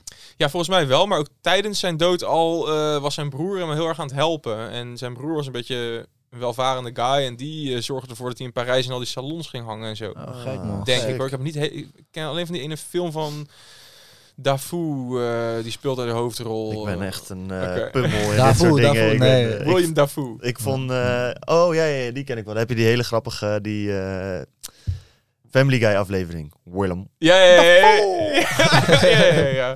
Hele man. guy. Maar Ik we, moet trouwens heel nodig plassen. Kan ik het tussendoor Ja, plassen? dan- of Ja. One hour later. Zie wel ook echt dat die mening over dat booster shit, man, dat het echt aan het omslaan is of zo. Als ik kijk naar, zeg maar, in mijn omgeving of zo, eh, dat eerst iedereen zoiets was van, ja, we gaan ons gewoon wel laten vaccineren, we moeten het gewoon doen. En eh, met die booster best wel mensen eh, echt gewoon, waarvan ik dacht, oh, die zou, dat mensen zoiets hebben van, ik ben er helemaal klaar mee. Maar ik Moet vind, het het, nou weer? ik vind het niet heel gek, omdat ik denk... Kijk, er werd een soort van belofte gedaan. Twee spuiten en dan kunnen we terug naar real life. Ja. En nu wordt er gezegd, ja, die It spuit... didn't happen. het ziet eruit alsof we nou nog ja, afspuiten moeten. Neem in man. ieder geval nog eentje. Dan weten we in ieder geval Ja. zeker dat we de oplossing die we bedacht hebben nogmaals geprobeerd hebben. En dan gaan wij even kijken hoe we dit echt gaan fixen. Ja. Ja. Maar ook echt voor jonge mensen nu. Holy fucking shit, man. Stel je voor als ik nu 16 was eh, en toen corona begon, gewoon... Dan wil je gewoon uitgaan. Je wil Ja. daten. Je wil met je vriendengroep Ja. andere vriendengroepen leren kennen. Daarom, man. Van alles en overal chillen, weet ik veel wat. En nu zit je... Ja, je moet echt eh, een groep matties hebben die ben- diehard zijn. Want ook heel veel mensen zeggen, nou, ik durf het niet aan. Nee. Ja, of je bent Nou, geen 18. Holy shit, man. Of je bent geen 18 en dan kan je ook je hebt bijvoorbeeld geen rijbewijs. Dus dan kan je ook niet zo heel veel rijden of op, makkelijk op veel plekken komen. Maar wat Ja. ik nu ook merk is dat ik ben nu 24, ik ben single. We hebben het er vorige week al over gehad. Voor alle dames die Voor alle luisteren. dames die luisteren. Die drie 20 stuks. Wat zijn je hobby's? die drie dames. Misschien is er eentje Ja, Gooi even je 14, de Snapchat. andere 24, de andere 64. Precies. Maar ik merk wel van, hey, het is wel, eh, het is wel saai, man. Want je ontmoet gewoon geen nieuwe mensen. Gewoon niet. Alleen op Tinder. Voor mij was altijd ja, het leukste, de leukste dates. eh waar gewoon, weet ik veel, je ging, eh, je had een Ja. andere gekke avond. Je stond tot vier uur ergens in de back and forth of bij de voortuin. En dan Ja, ja. kwam er een of andere gekke groep, eh, weet ik veel, dames langs. en raakte je mee aan gesprek. En dan Mm. hoefde je niet eens iets te doen of een one-night stand te hebben. Maar dan, dan, je had elkaar al gesproken. Dan ging je nog een keer afspreken in een andere setting. En dan wist weet al dat het van- goed ja, is, Weet je, wel, je, hebt wel, daarom. je hebt wel iemand kunnen checken, weet je wel. Je weet, oké, het is geen catfish. Het is geen catfish. Ze was Het is leuk, weet je wel. We hadden een klik. Dan hoef je niet eens eh, getonkt te hebben of whatever. Maar dan kan je daarna gewoon zeggen, oh, ik check je. En dan volg je elkaar op Insta of whatever. En dan ga je weer iets doen. Dan heb je al meteen, oh, oké, over die avond praten. En nu is het, ja, best wel droog allemaal. Toen Ja, was het ja. het echte leven, naar mijn mening. En nu is het gewoon Ja. een soort van... Maar Ja, ook ik als spreek je... nu trouwens met de guys eh, die hebben een app gemaakt die heet Breeze. En eh, ik ben eh, geen investeerder of whatever, maar daar, die focust dus op offline daten. Dus dan installeer je die app, dan zie je gewoon ook profielen. En als je dan een match hebt, dan moet je ook gewoon meteen een afspraakje gaan maken. Dan moet je voor betalen, kost Oh, 5 sick. euro of zo. Zodat iedereen een stok achter de deur heeft. Dus dat, je kan wel dan chatten over, hey, waar, waar eh, gaan we afspreken of whatever. Maar dan is het gewoon boom, meteen gaan daten. In plaats van eerst eindeloze gesprekken, weet je wel. Ja. Normaal heb je dan Ah. 100 matches en heb je 30 gesprekken die nergens op uitlopen. en dan één keer zeggen, oké, gaan we nu die, die dag iets doen? En dan wacht je dan Ja, dat- ik weet het niet. En ze maken daten 20% efficiënt, eh, 20 keer efficiënter of zo claimen. ze. Ja. Dat is wel lachen. dat En het is ook wel. zo dat vrouwen krijgen nu ook gewoon 20 berichtjes, terwijl een man dan één berichtje krijgt. Het is Ja, ook niet normaal. is Het, is, slaat ook helemaal Ja, op nergens dat, op. eh, dat Bumble heeft dat omgedraaid. Bumble zit ook op de beurs nu volgens mij. Ja, die- Oké. Daarvan moeten de vrouwen eerst de Ja. mannen berichten. Ja. Ja, hij is Ja. expert. Hij- Ik weet dit allemaal niet. Ik heb een Bumble- zesjarige vriendin. Ik weet helemaal niks van deze shit. Ik, heb, eh, ik heb laatst dus ook gehoord eh, van Inner Circle. Ja, Het is duur, man. Is ja, duur. 40 euro per maand. ja, ja, ja. cirkel? Ja, damn. Ja, Ik zag geen 40 euro voor mijn vriendin per maand, hoor. Nee. Oh, ik heb juist via jouw vriendin. Nee. eh, en dat was ook altijd het leukste, weet je wel. Dat je dan, je ging je naar een feestje en dan ehm, had je daarvoor al gewoon, was je met je matties en dan waren hun vriendinnen erbij. En dan zei een van die vriendinnen, oh, ik heb een eh, single eh, vriendin en oh, dit is haar Insta of dit is haar Facebook, weet je wel. dan Ja, wist je, oh, ze gaat ook naar die en die, eh, dat technofeestje Ja. of hiphop party of whatever. En dan wist je, oh, zij komt ook en ik heb haar al gecheckt. En zij kent mijn vriendin, dus waarschijnlijk hebben haar vriendinnen exact hetzelfde gedaan bij mij, weet je wel. Ja, Oké. ja, ja, ja. Ja, dan dat komt wel- het wel goed. Dan komt Ja, het goed. man. En nu Ja. eh, Maar is Breeds, het gewoon fucked up. maar het is werd helemaal- ook wel getarget nog, man. Het is helemaal kut voor mensen die net beginnen aan een studie in een nieuwe stad. En misschien niet in een huis wonen met meer mensen, maar dus alleen in een huis zitten. Die mensen heb ik ook wel eens gesproken of over gehoord. Dat zijn gewoon... Dan zit je al twee jaar te studeren aan een nieuwe studie. Je kent niemand. Niemand, alleen maar voor Je zit alleen maar in je eentje op je kamertje college te volgen. Nou, met een beetje pech wonen je ouders twee uur weg. Dus in het weekend mag je misschien bij Gods gratie een keertje naar huis om wat leukers te doen. Je hebt mensen die in Rotterdam studeren, eh, die in Hongkong, eh, gewoon Chinese mensen, die zijn allemaal, gaan heel veel in Wageningen ook en in Rotterdam studeren. En die gaan gewoon om drie uur s'nachts opstaan. Want dan begint in Nederland om negen uur het college. Ik weet niet precies de tijd, sorry daarvoor. Maar Ja. de- en dan moeten ze fucking vroeg eh, opstaan of s s'nachts college gaan volgen, omdat in Nederland overdag het college is. Het is echt helemaal doorgedraaid. fucking Ja. bizar. Je kan gewoon thuis zitten, bij je ouders. Je zit nu in je tweede of derde jaar. Je hebt je medestudenten nog nooit gezien. Nee. Dat is Snap wel ik echt wel, sad, man. En Ja. daarvoor heb je nu ook die, eh, die Amigos-app en die Ja, Bash-app. Amigos zijn we En, tegengekomen. eh, ja. Die ja. Amigos hadden laatst hadden ze stront aan de knikker, toch? Wat was dat? zag ik ook weer. Wat was er nou niet- gebeurd? Ik heb het weet niet, man. Nee, er was iets wat was volgens mij was er weer niet goed. eh er was iets niet goed gegaan. Een overval. Iets met data volgens mij. Ja, oh ja, dat was het. Het ging met data. Maar je dat kon opgelost. iedere gebruikerslocatie kon je volgens mij heel makkelijk achterhalen op ten alle Ja. tijden of zo. Zoiets. Ja, maar dat kan je nu uitzetten in de app. Ja, ja, dat is dat maar Amigos ook- gebruiken mensen ook als daten. Want Ja, mijn vriendin en ik gebruiken eh, Amigos. We gaan wel eens gewoon, eh, of toen afgelopen zomer, toen alles nog mocht, toen ehm, zaten we gewoon op het terras en toen, oh, wat is er te doen? En dan gingen we gewoon checken, oh, er is een gek feestje daar en daar. En dan gewoon, oh, kunnen we komen, kunnen we joinen? Afgelopen zomer al. Ja, ja, ja. Wij zijn er echt drie weken geleden achtergekomen. Dat Early dat adopter. überhaupt hè. bestond. Hij heeft, Ik eh, was bij, ja, dat is ook echt een heel, eh, heel verhaal. Want zeg maar, je hebt dus nu Amigos en je hebt Bash in. Nederland. Dat zijn twee apps die eh, een beetje hetzelfde doen. en Jules en ik hadden ook al zo'n idee voor zo'n app om dat ooit te maken. Een soort van Facebook evenementen. En na mijn exit dacht ik echt van oké, oké, wel dan gaan we aan die app werken of zo. En dan gaan we dat doen. En toen kwamen we erachter dat Bash al bestond. Is ongeveer hetzelfde als Amigos. Niet helemaal hetzelfde. Je moet die apps allebei maar downloaden en dan een mening hebben. en eh, toen had Jules iets van, wow, dat gaan we doen. Dus Jules, eh, mijn oude compagnon en Thijs Sluikers, die hebben geïnvesteerd in Bash. En ik zou ook mee gaan doen. Maar op het laatste moment dacht ik, holy shit, ik heb met die exit gehad. Ik wil mijn boek schrijven, ik wil chillen. Dus allemaal... Zo wordt emotioneel. een beetje te veel. En eh, ja, toen had ik zoiets van, oké, ik ga het niet doen. Dat was toen wel, ja, uiteindelijk, ja, het was voor mij een goede beslissing. Het was wel een beetje jammer dat we het niet met elkaar hadden gedaan. En op een gegeven moment was ik bij dat Unmute eh, in de zomer. Dat was echt, het voelde als een groot festival. Ik ging er met mijn vrienden heen. Dat was fucking geweldig. En iedereen daar had het over Amigos. Dus ik oké, wat is dat dan? Dit en dat. Ging een beetje kijken via via. Dus ik die founder daarvan eh, berichten. Ik daarmee even koffie drinken, even praten, dit en dat. En toen zei ik tegen Jules, wow, wow, de Amigos, eh, gaat fucking hard en ze groeien, dit en dat. En Jules, ja, maar een beetje hetzelfde en dit en dat. En toen dacht ik, oh ja, het is ongeveer hetzelfde. En toen, ja, dan was het een beetje conflicterend of zo. Ja, ik dacht eerst ja. van, wow, Amigos is vet. Ik wilde ook misschien ook investeren of iets gaan doen. Toen zei Jules, ja, maar het is hetzelfde als Bash. What the fuck, man. Dus toen dacht ik, oké, ik ga dit gewoon even loslaten. Ik ga bij beide bedrijven even niks doen, want ik heb geen zin in gezeik. ja. Maar ehm, ja, wat, zij, wat beide bedrijven gewoon heel goed doen. Ik vind eh, dat ze gewoon het samen moeten doen. Maar, en, eh, maar anyway. Ehm, ja, dat, dat gewoon ze mensen bij elkaar brengen. En dat moet je hebben in deze tijd. Want Ja. wat de fuck moet je anders doen? ja. Ze brengen het sociaal in sociale media weer een beetje tot leven. Zeg maar. Ja, ja. Valt dit straks weer weg als je weer evenementen hebt en festivals? Ja, krijgen we de Clubhouse effect? Ik weet het Misschien niet. Ik geloof er wel heel echt in, man. Ik geloof echt eh, dat er gewoon een app moet zijn eh, waar je gewoon met je vrienden feestje organiseert en andere mensen leert kennen. Want eh, je kunt gewoon op die app zien waar de parties zijn. En dan kan je gewoon joinen. En dan eh, kan je nieuwe mensen leren kennen. Ja. Dat, dat Ja. moet je willen. En dat ga je niet op Insta of Facebook doen. Nee, nee. Nee, dan wordt Dope. het eh, een beetje Op Snapchat heeft Cool trouwens ook zo'n functie. Dat je toch kan. eh, Ik zit niet op Snapchat. Ik, heb wel eens geprobeerd. Maar dan kan je ook zien waar je vrienden zijn. En dan Ja. kan je ook zien waar Mhm. andere mensen zijn en zo. Klopt, ja. Ja, dat wel, ja. Dat is wat meer socialer. ja. Dat had je ook inderdaad, maar daar kon je niks mee. Nee. Ik Kon doe het ook echt iedereen gelijk was. uitgezet. Ik heb het ook uitgezet. ik wil gelijk. niet dat mensen weten waar ik constant ben, inderdaad.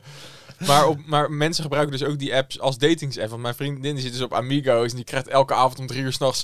Hé, hey, eh, ik zie dat je op 500 meter afstand bent. Eh, wil je even een, eh, een stukje met mij lopen of zo? Weet je Ja? Op een gegeven moment ja. kan je nu ook uitzetten dat je berichten van vreemde mensen krijgt. Maar eerst kon je dat niet uitzetten. Dus toen Ja. gingen mensen dat ook echt als datings-app. Ja. Ja, Wat de fuck moeten mensen anders? Hè? Can't blame a man for trying. Nee, dat Dus, eh, precies. ja. Maar je kijkt erop en dan zie ik wel van, ah, oké, 80, 90 procent jongens, 10 procent meiden. dus ik denk het alweer. hoor. ja, ik heb er nog nooit op gezeten. Is ik weer ben echt een spelletje waar al die meiden natuurlijk tegenberichten krijgen. Tegenberichten krijgen. Ik kreeg ook al iets van 10 of 20 berichten van allemaal jongens. Ja. Van hé, ik heb een feestje in de buurt, kom je ook? Ja. Dat is volgens mij zo'n standaard bericht of zo. Als je Ja. dus online komt, gaat het aan en dan kan je zulke berichten ontvangen. Ja, je kunt zeg maar, als je een feestje organiseert, kun je meteen zeggen: Oké, ik eh, wil iedereen uitnodigen die in is voor een feestje en die een kilometer in de buurt woont of zo, of een paar Oh, kilometer. ja. En dan stuurt die app meteen bam, push naar allemaal mensen. Project Dan X. krijgen ze, ja, ish. ja.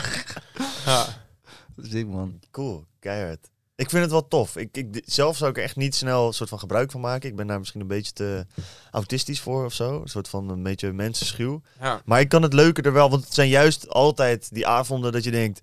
Dit zijn net een beetje, ik ken deze mensen niet goed. En wat gaan we eigenlijk doen? Die uiteindelijk het leukst zijn. Omdat je gewoon allemaal gekke dingen meemaakt. ja, man.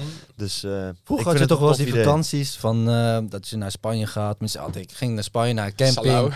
Ken, dat was nog met mijn ouders toen. Ik kende nog helemaal niemand. Uh-huh. Weet je, en dan loop je daar naar het zwembad toe en dan zie je gewoon een groepje jongeren zitten. En zeg je, oké, yo man, ik ben Koen. Ja, ja, ja. Ja, En dan ga je ernaast hun Ik zitten. ben Koen Stam, eh, mijn vader is Jaap Stam. Onze luisteraars wisten dat niet. en eh, het zieke was wel gewoon dat na, na een paar dagen had je op een gegeven moment gewoon een groep van 30 man. En dan s'avonds ging je naar het strand toe.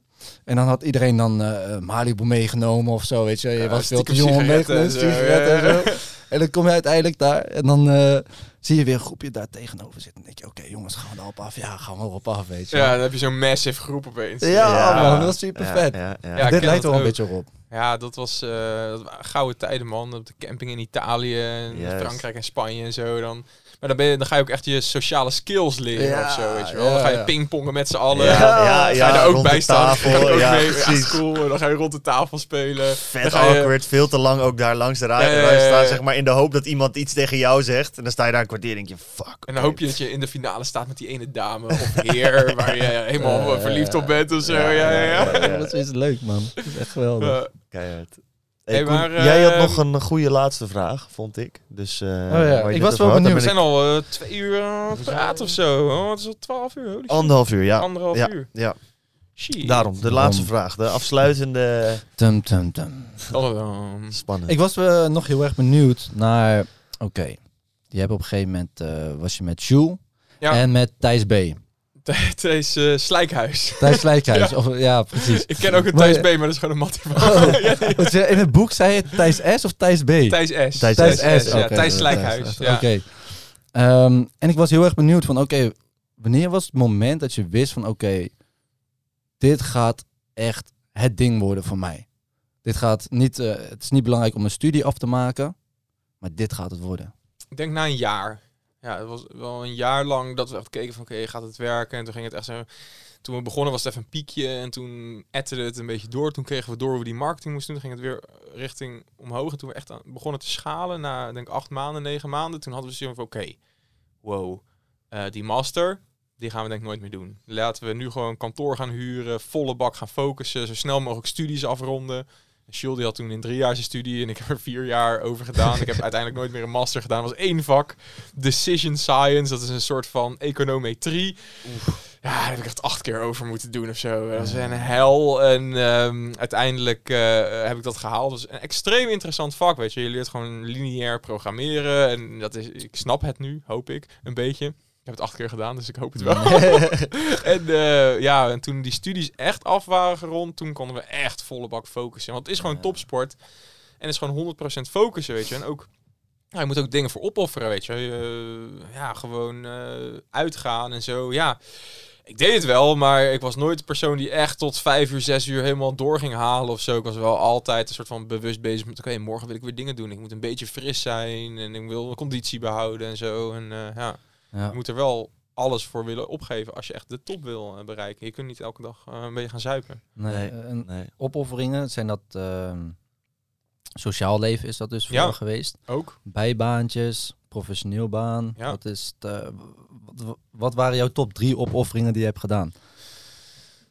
Ehm, ja, op een gegeven moment. Ik werkte toen nog, eh, als toen ik student was, ook nog bij mijn pa. eh, ging ik gewoon eh, glazen wassen in de buurt van Den Haag bijna elk weekend. En op een gegeven moment, ja, kon ik dat niet meer echt combineren. Mm. Eh, dus toen, ja, dat was wel gewoon een beetje extra inkomsten wat ik toen moest laten gaan. Ja. Ehm, en natuurlijk gewoon, ja, we, we waren zo gefocust en zoveel aan het werk dat je gewoon, ja, je sociale leven staat wel op een laag putje, weet je wel. Je- En als je dan eenmaal vrije tijd hebt, dan ben je vaak helemaal uitgeblust. Dus dan ben je helemaal uitgewerkt. Dus dan ga je eindelijk chillen met je matties. En dan drink je twee biertjes en denk je, oh, wow, ik ben zo fucking moe, weet je wel. En dan heeft iedereen gewoon gewerkt en is iedereen zin in de avond. En dan ben jij weer die guy die fucking moe is, weet je wel. Dus ja, Ja, dat is wel ja, een opoffering. Ehm, en eh, ja, man, eh, ja, gewoon, ja, ook gewoon een goede relatie onderhouden als je ondernemer bent, is gewoon heel lastig. Want je bent volle bak aan het focussen op je ding. En je wil natuurlijk je vriend of vriendin ook veel tijd geven. En daar een balans in zoeken is echt heel lastig, man. Eh, Ja. ja, een relatie met een ondernemer is fucking moeilijk. Want je staat bijna altijd aan. En je moet altijd dingen geregeld. Je kunt elke seconde van de dag gebeld worden voor shit.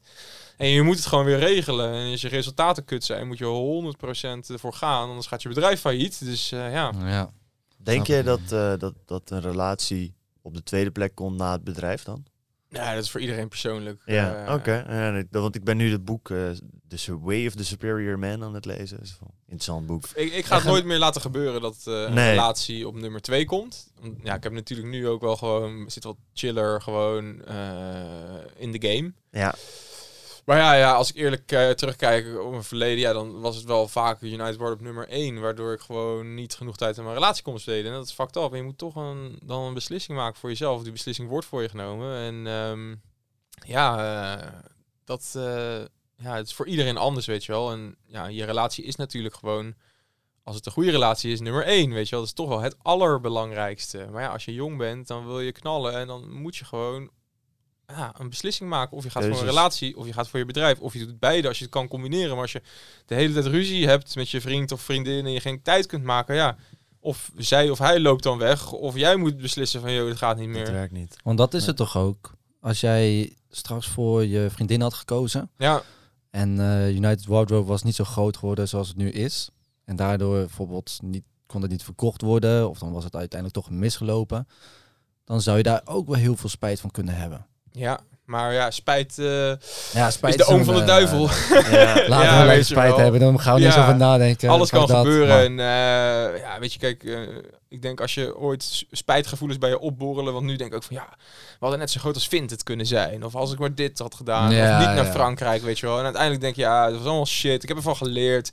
Morgen weer een dag, op, weet je ja, wel. Precies. Ja, Dan had je misschien, als het niks was geweest, had je weer wat anders gestart. ja, en die, die shit komt ook altijd als je man. gewoon, als je moe bent, als je Ja. fucking brak bent, als je even doorheen zit, dan ga je denken, oh, ik heb spijt van dit en dat. Ja. Maar als je gewoon gezond bent, je sport gewoon, je hebt conditie, je gebruikt eh, geen drugs, eh, je, doet, eh, je gaat af en toe wat drinken, je doet het allemaal met mate en je zit lekker in je vel. Mm. En dan komen spijtgevoelens naar je toe en dan kan je ze ook beter Wegketsen. Ja. Maar als je fucked up bent, ja, dan ga je daarmee zitten. Dan zit je al eh, laag ja. eigenlijk. Ja. Gary Vaynerchuk heeft daar een hele mooie voor. Die zegt altijd, die krijgt heel vaak de vraag: had je niet willen investeren in Uber? Want die was volgens mij voor de een van de eerste rondes gevraagd. Heeft hij niet gedaan, anders had hij nu miljarden gehad. Ja. En hij zegt altijd: mensen kijken altijd naar het leven alsof er situatie A is, die nu realiteit is, en situatie B, namelijk als ik dit gekozen had, was het zo gegaan. Ja, Dus- A, ik heb het verkocht aan Vinted. B, dan hadden we nu misschien wel groter dan Vinted. Ja. Maar hij zegt, stel je voor dat ik, dus hij geïnvesteerd had in Uber, was ik misschien een van de grootste investeerders geweest in de geschiedenis van de mens. Was ik uitgevlogen naar China, was mijn vliegtuig neergestort. Ja. Dan ben ik dood. Net als Kobe Bryant. Juist, helikopter, dan ja. is B niet beter dan Hij heeft A. voor B gekozen. dus. ja, ja, dan is B niet beter dan A. Dus Ja. hij zegt dat hele idee dat, dat het zo soort van A of B is, dat, dat Nee. is onzin. Dus je kan dat ook beter gewoon skippen. Nee, Beter. Beter. Dus eh, spijt, eh, nee, daar moest ik niet over beginnen. Nee, Ja. man. Nee. Probeer eh, geen spijt te hebben. Probeer eh, naar morgen te kijken, niet naar gisteren. Ja, man. Want alleen over morgen, over gisteren heb je geen controle meer, weet je wel. Precies. Morgen wel. Ik denk dat het een eh, heel mooi is eh Mooi om mee af te afsluiten. sluiten. ja, toch? We hebben nog wel een, eh, als ik het goed heb, een winactie. Oh, een winactie. We hebben het een lange tijd geleden over gehad. Oh, ik ben het. Ben, ik- oh, ging ik boeken weggeven of zo? Oké, oké. Oké. Bij deze. alweer? 5000 boeken. Shit, ik ben weg. Voor 1 euro? Nee. Maar volgens mij had je gezegd inderdaad eh, iets van vijf, drie of vijf boeken die Ja. je weg wou geven voor eh, hele trouwe luisteraars. ja, Die oplettend zijn en die dan wat moeten doen. We hadden ook wat verzonnen dan. Jazeker. Wat hadden we ook Weet jij hem nog? Ja, ik weet het nog. Eh, wat je even moet doen als je dit luistert. eh, misschien, Oh ja. soms kijken Ja. mensen het op tv, soms kijken het misschien op YouTube, soms luister je het op Spotify. Maak even een screenshot of een foto dat je aan het luisteren bent. Zet dat op Instagram in je story en tag Thijs. Is dat Ed Thijs Verhul? Thijs Verhul gewoon. Ja. Juist. En ons, dus het Lotgenoten Podcast. Ehm, en dan kiezen wij gewoon uit al die mensen over, nou laten we zeggen, een week. Dus deze komt niet aankomende dinsdag, maar die week daarop uit. Dus als Ja. deze uitkomt, heb je zeven dagen om dat te doen. Kiezen we daarna gewoon eh, drie of vijf winnaars die Ja. eh, het boek eh thuis Als jullie dan eh, die winnaars kiezen en mij gewoon die adressen sturen, Ja. dan fix ik dat eh, ik gewoon die boeken opstuur. Komt maar goed. vijf. Weet je, Ja, kies maar vijf. gewoon vijf mensen. Ja. Zeg gewoon volgende week, yo Thijs, deze vijf mensen, we horen dit zijn hun adressen, dan pomp ik gewoon die Precies. boeken eruit. Komt goed. Prima man. Top. Tof. Yo, Dat yo. heel Echt een leuk. leuk gesprek man. Ja, Leuk was lachen. ja. Ook lang man, echt gewoon Ja, normaal. ja, ja, gewoon ja, ja, drie ja. kwartier of zo. Dit was echt bij eh, ja, anderhalf En uur. De laatste tip voor iedereen eh, die het boek leest. Het boek heet natuurlijk Voor hoeveel heb je het verkocht? Ehm, het antwoord aan het eind houden we nog een Oh. beetje geheim. Mocht je daar nog dieper in willen gaan, dan hebben ze ook nog een podcast opgenomen met Peak. Ja. En daarin wordt nog Engels. wat meer. Ja, in het Engels. En daar Ja. wordt wat meer in-depth aan het eind een berekening gemaakt voor hoeveel het Ja, daadwerkelijk ja, Piek verkocht was is. onze investeerder en Ja. in de afgelopen zomer, als je de, hij is van Remy Gieling en Peak Capital en die podcast heet, oh, hij heeft zo'n champagnefles als logo, Ja, Hoe heet die nou ook weer? ik De het- Big Exit Show of de Ja, Big zoiets, Exit ja. podcast. Ik heb het nog openstaan. Eh, misschien moet je hem ergens eh, op YouTube gewoon een linkje erbij zetten. Zo Ja, precies. Ja. Ja, ja. de Big Exit ja. Show. Ja, En daar ja, zit ja. dus eh, samen met eh, Remy Gieling, eh, Johan van Mil van P Capital en Jules eh, hebben we een Engelse podcast over, ja, ook over de verkoop Van en alles, over ja. gewoon wat dingen. Er wordt gewoon een beetje gelachen en eh, Precies. Leuke Ja. podcast. En eh, kleine berekening. kleine Ga- gaat. Ik doe geen uitspraak. Maar hij doet er geen Ja, uitspraak ja, ja. over. Yes. Ehm, Prima man. ja, Thijs, hartstikke bedankt Ja. voor je tijd gedaan, op deze zaterdagochtend. en eh, ja, we spreken je graag weer. Iedereen die dit eh, luistert of kijkt, vergeet niet te abonneren. Even vijf sterren achter te laten op Spotify, Apple Podcast, al die dingen. Dan zeggen we altijd nog één ding. Weet je wat we zeggen? Nee, Shit man. we zeggen altijd nog één ding. Dat is Eh, Fok. Groes. Wij, zijn lotgenoten. Dankjewel voor het kijken en het luisteren. ciao. En ciao. Yo, yo, yo.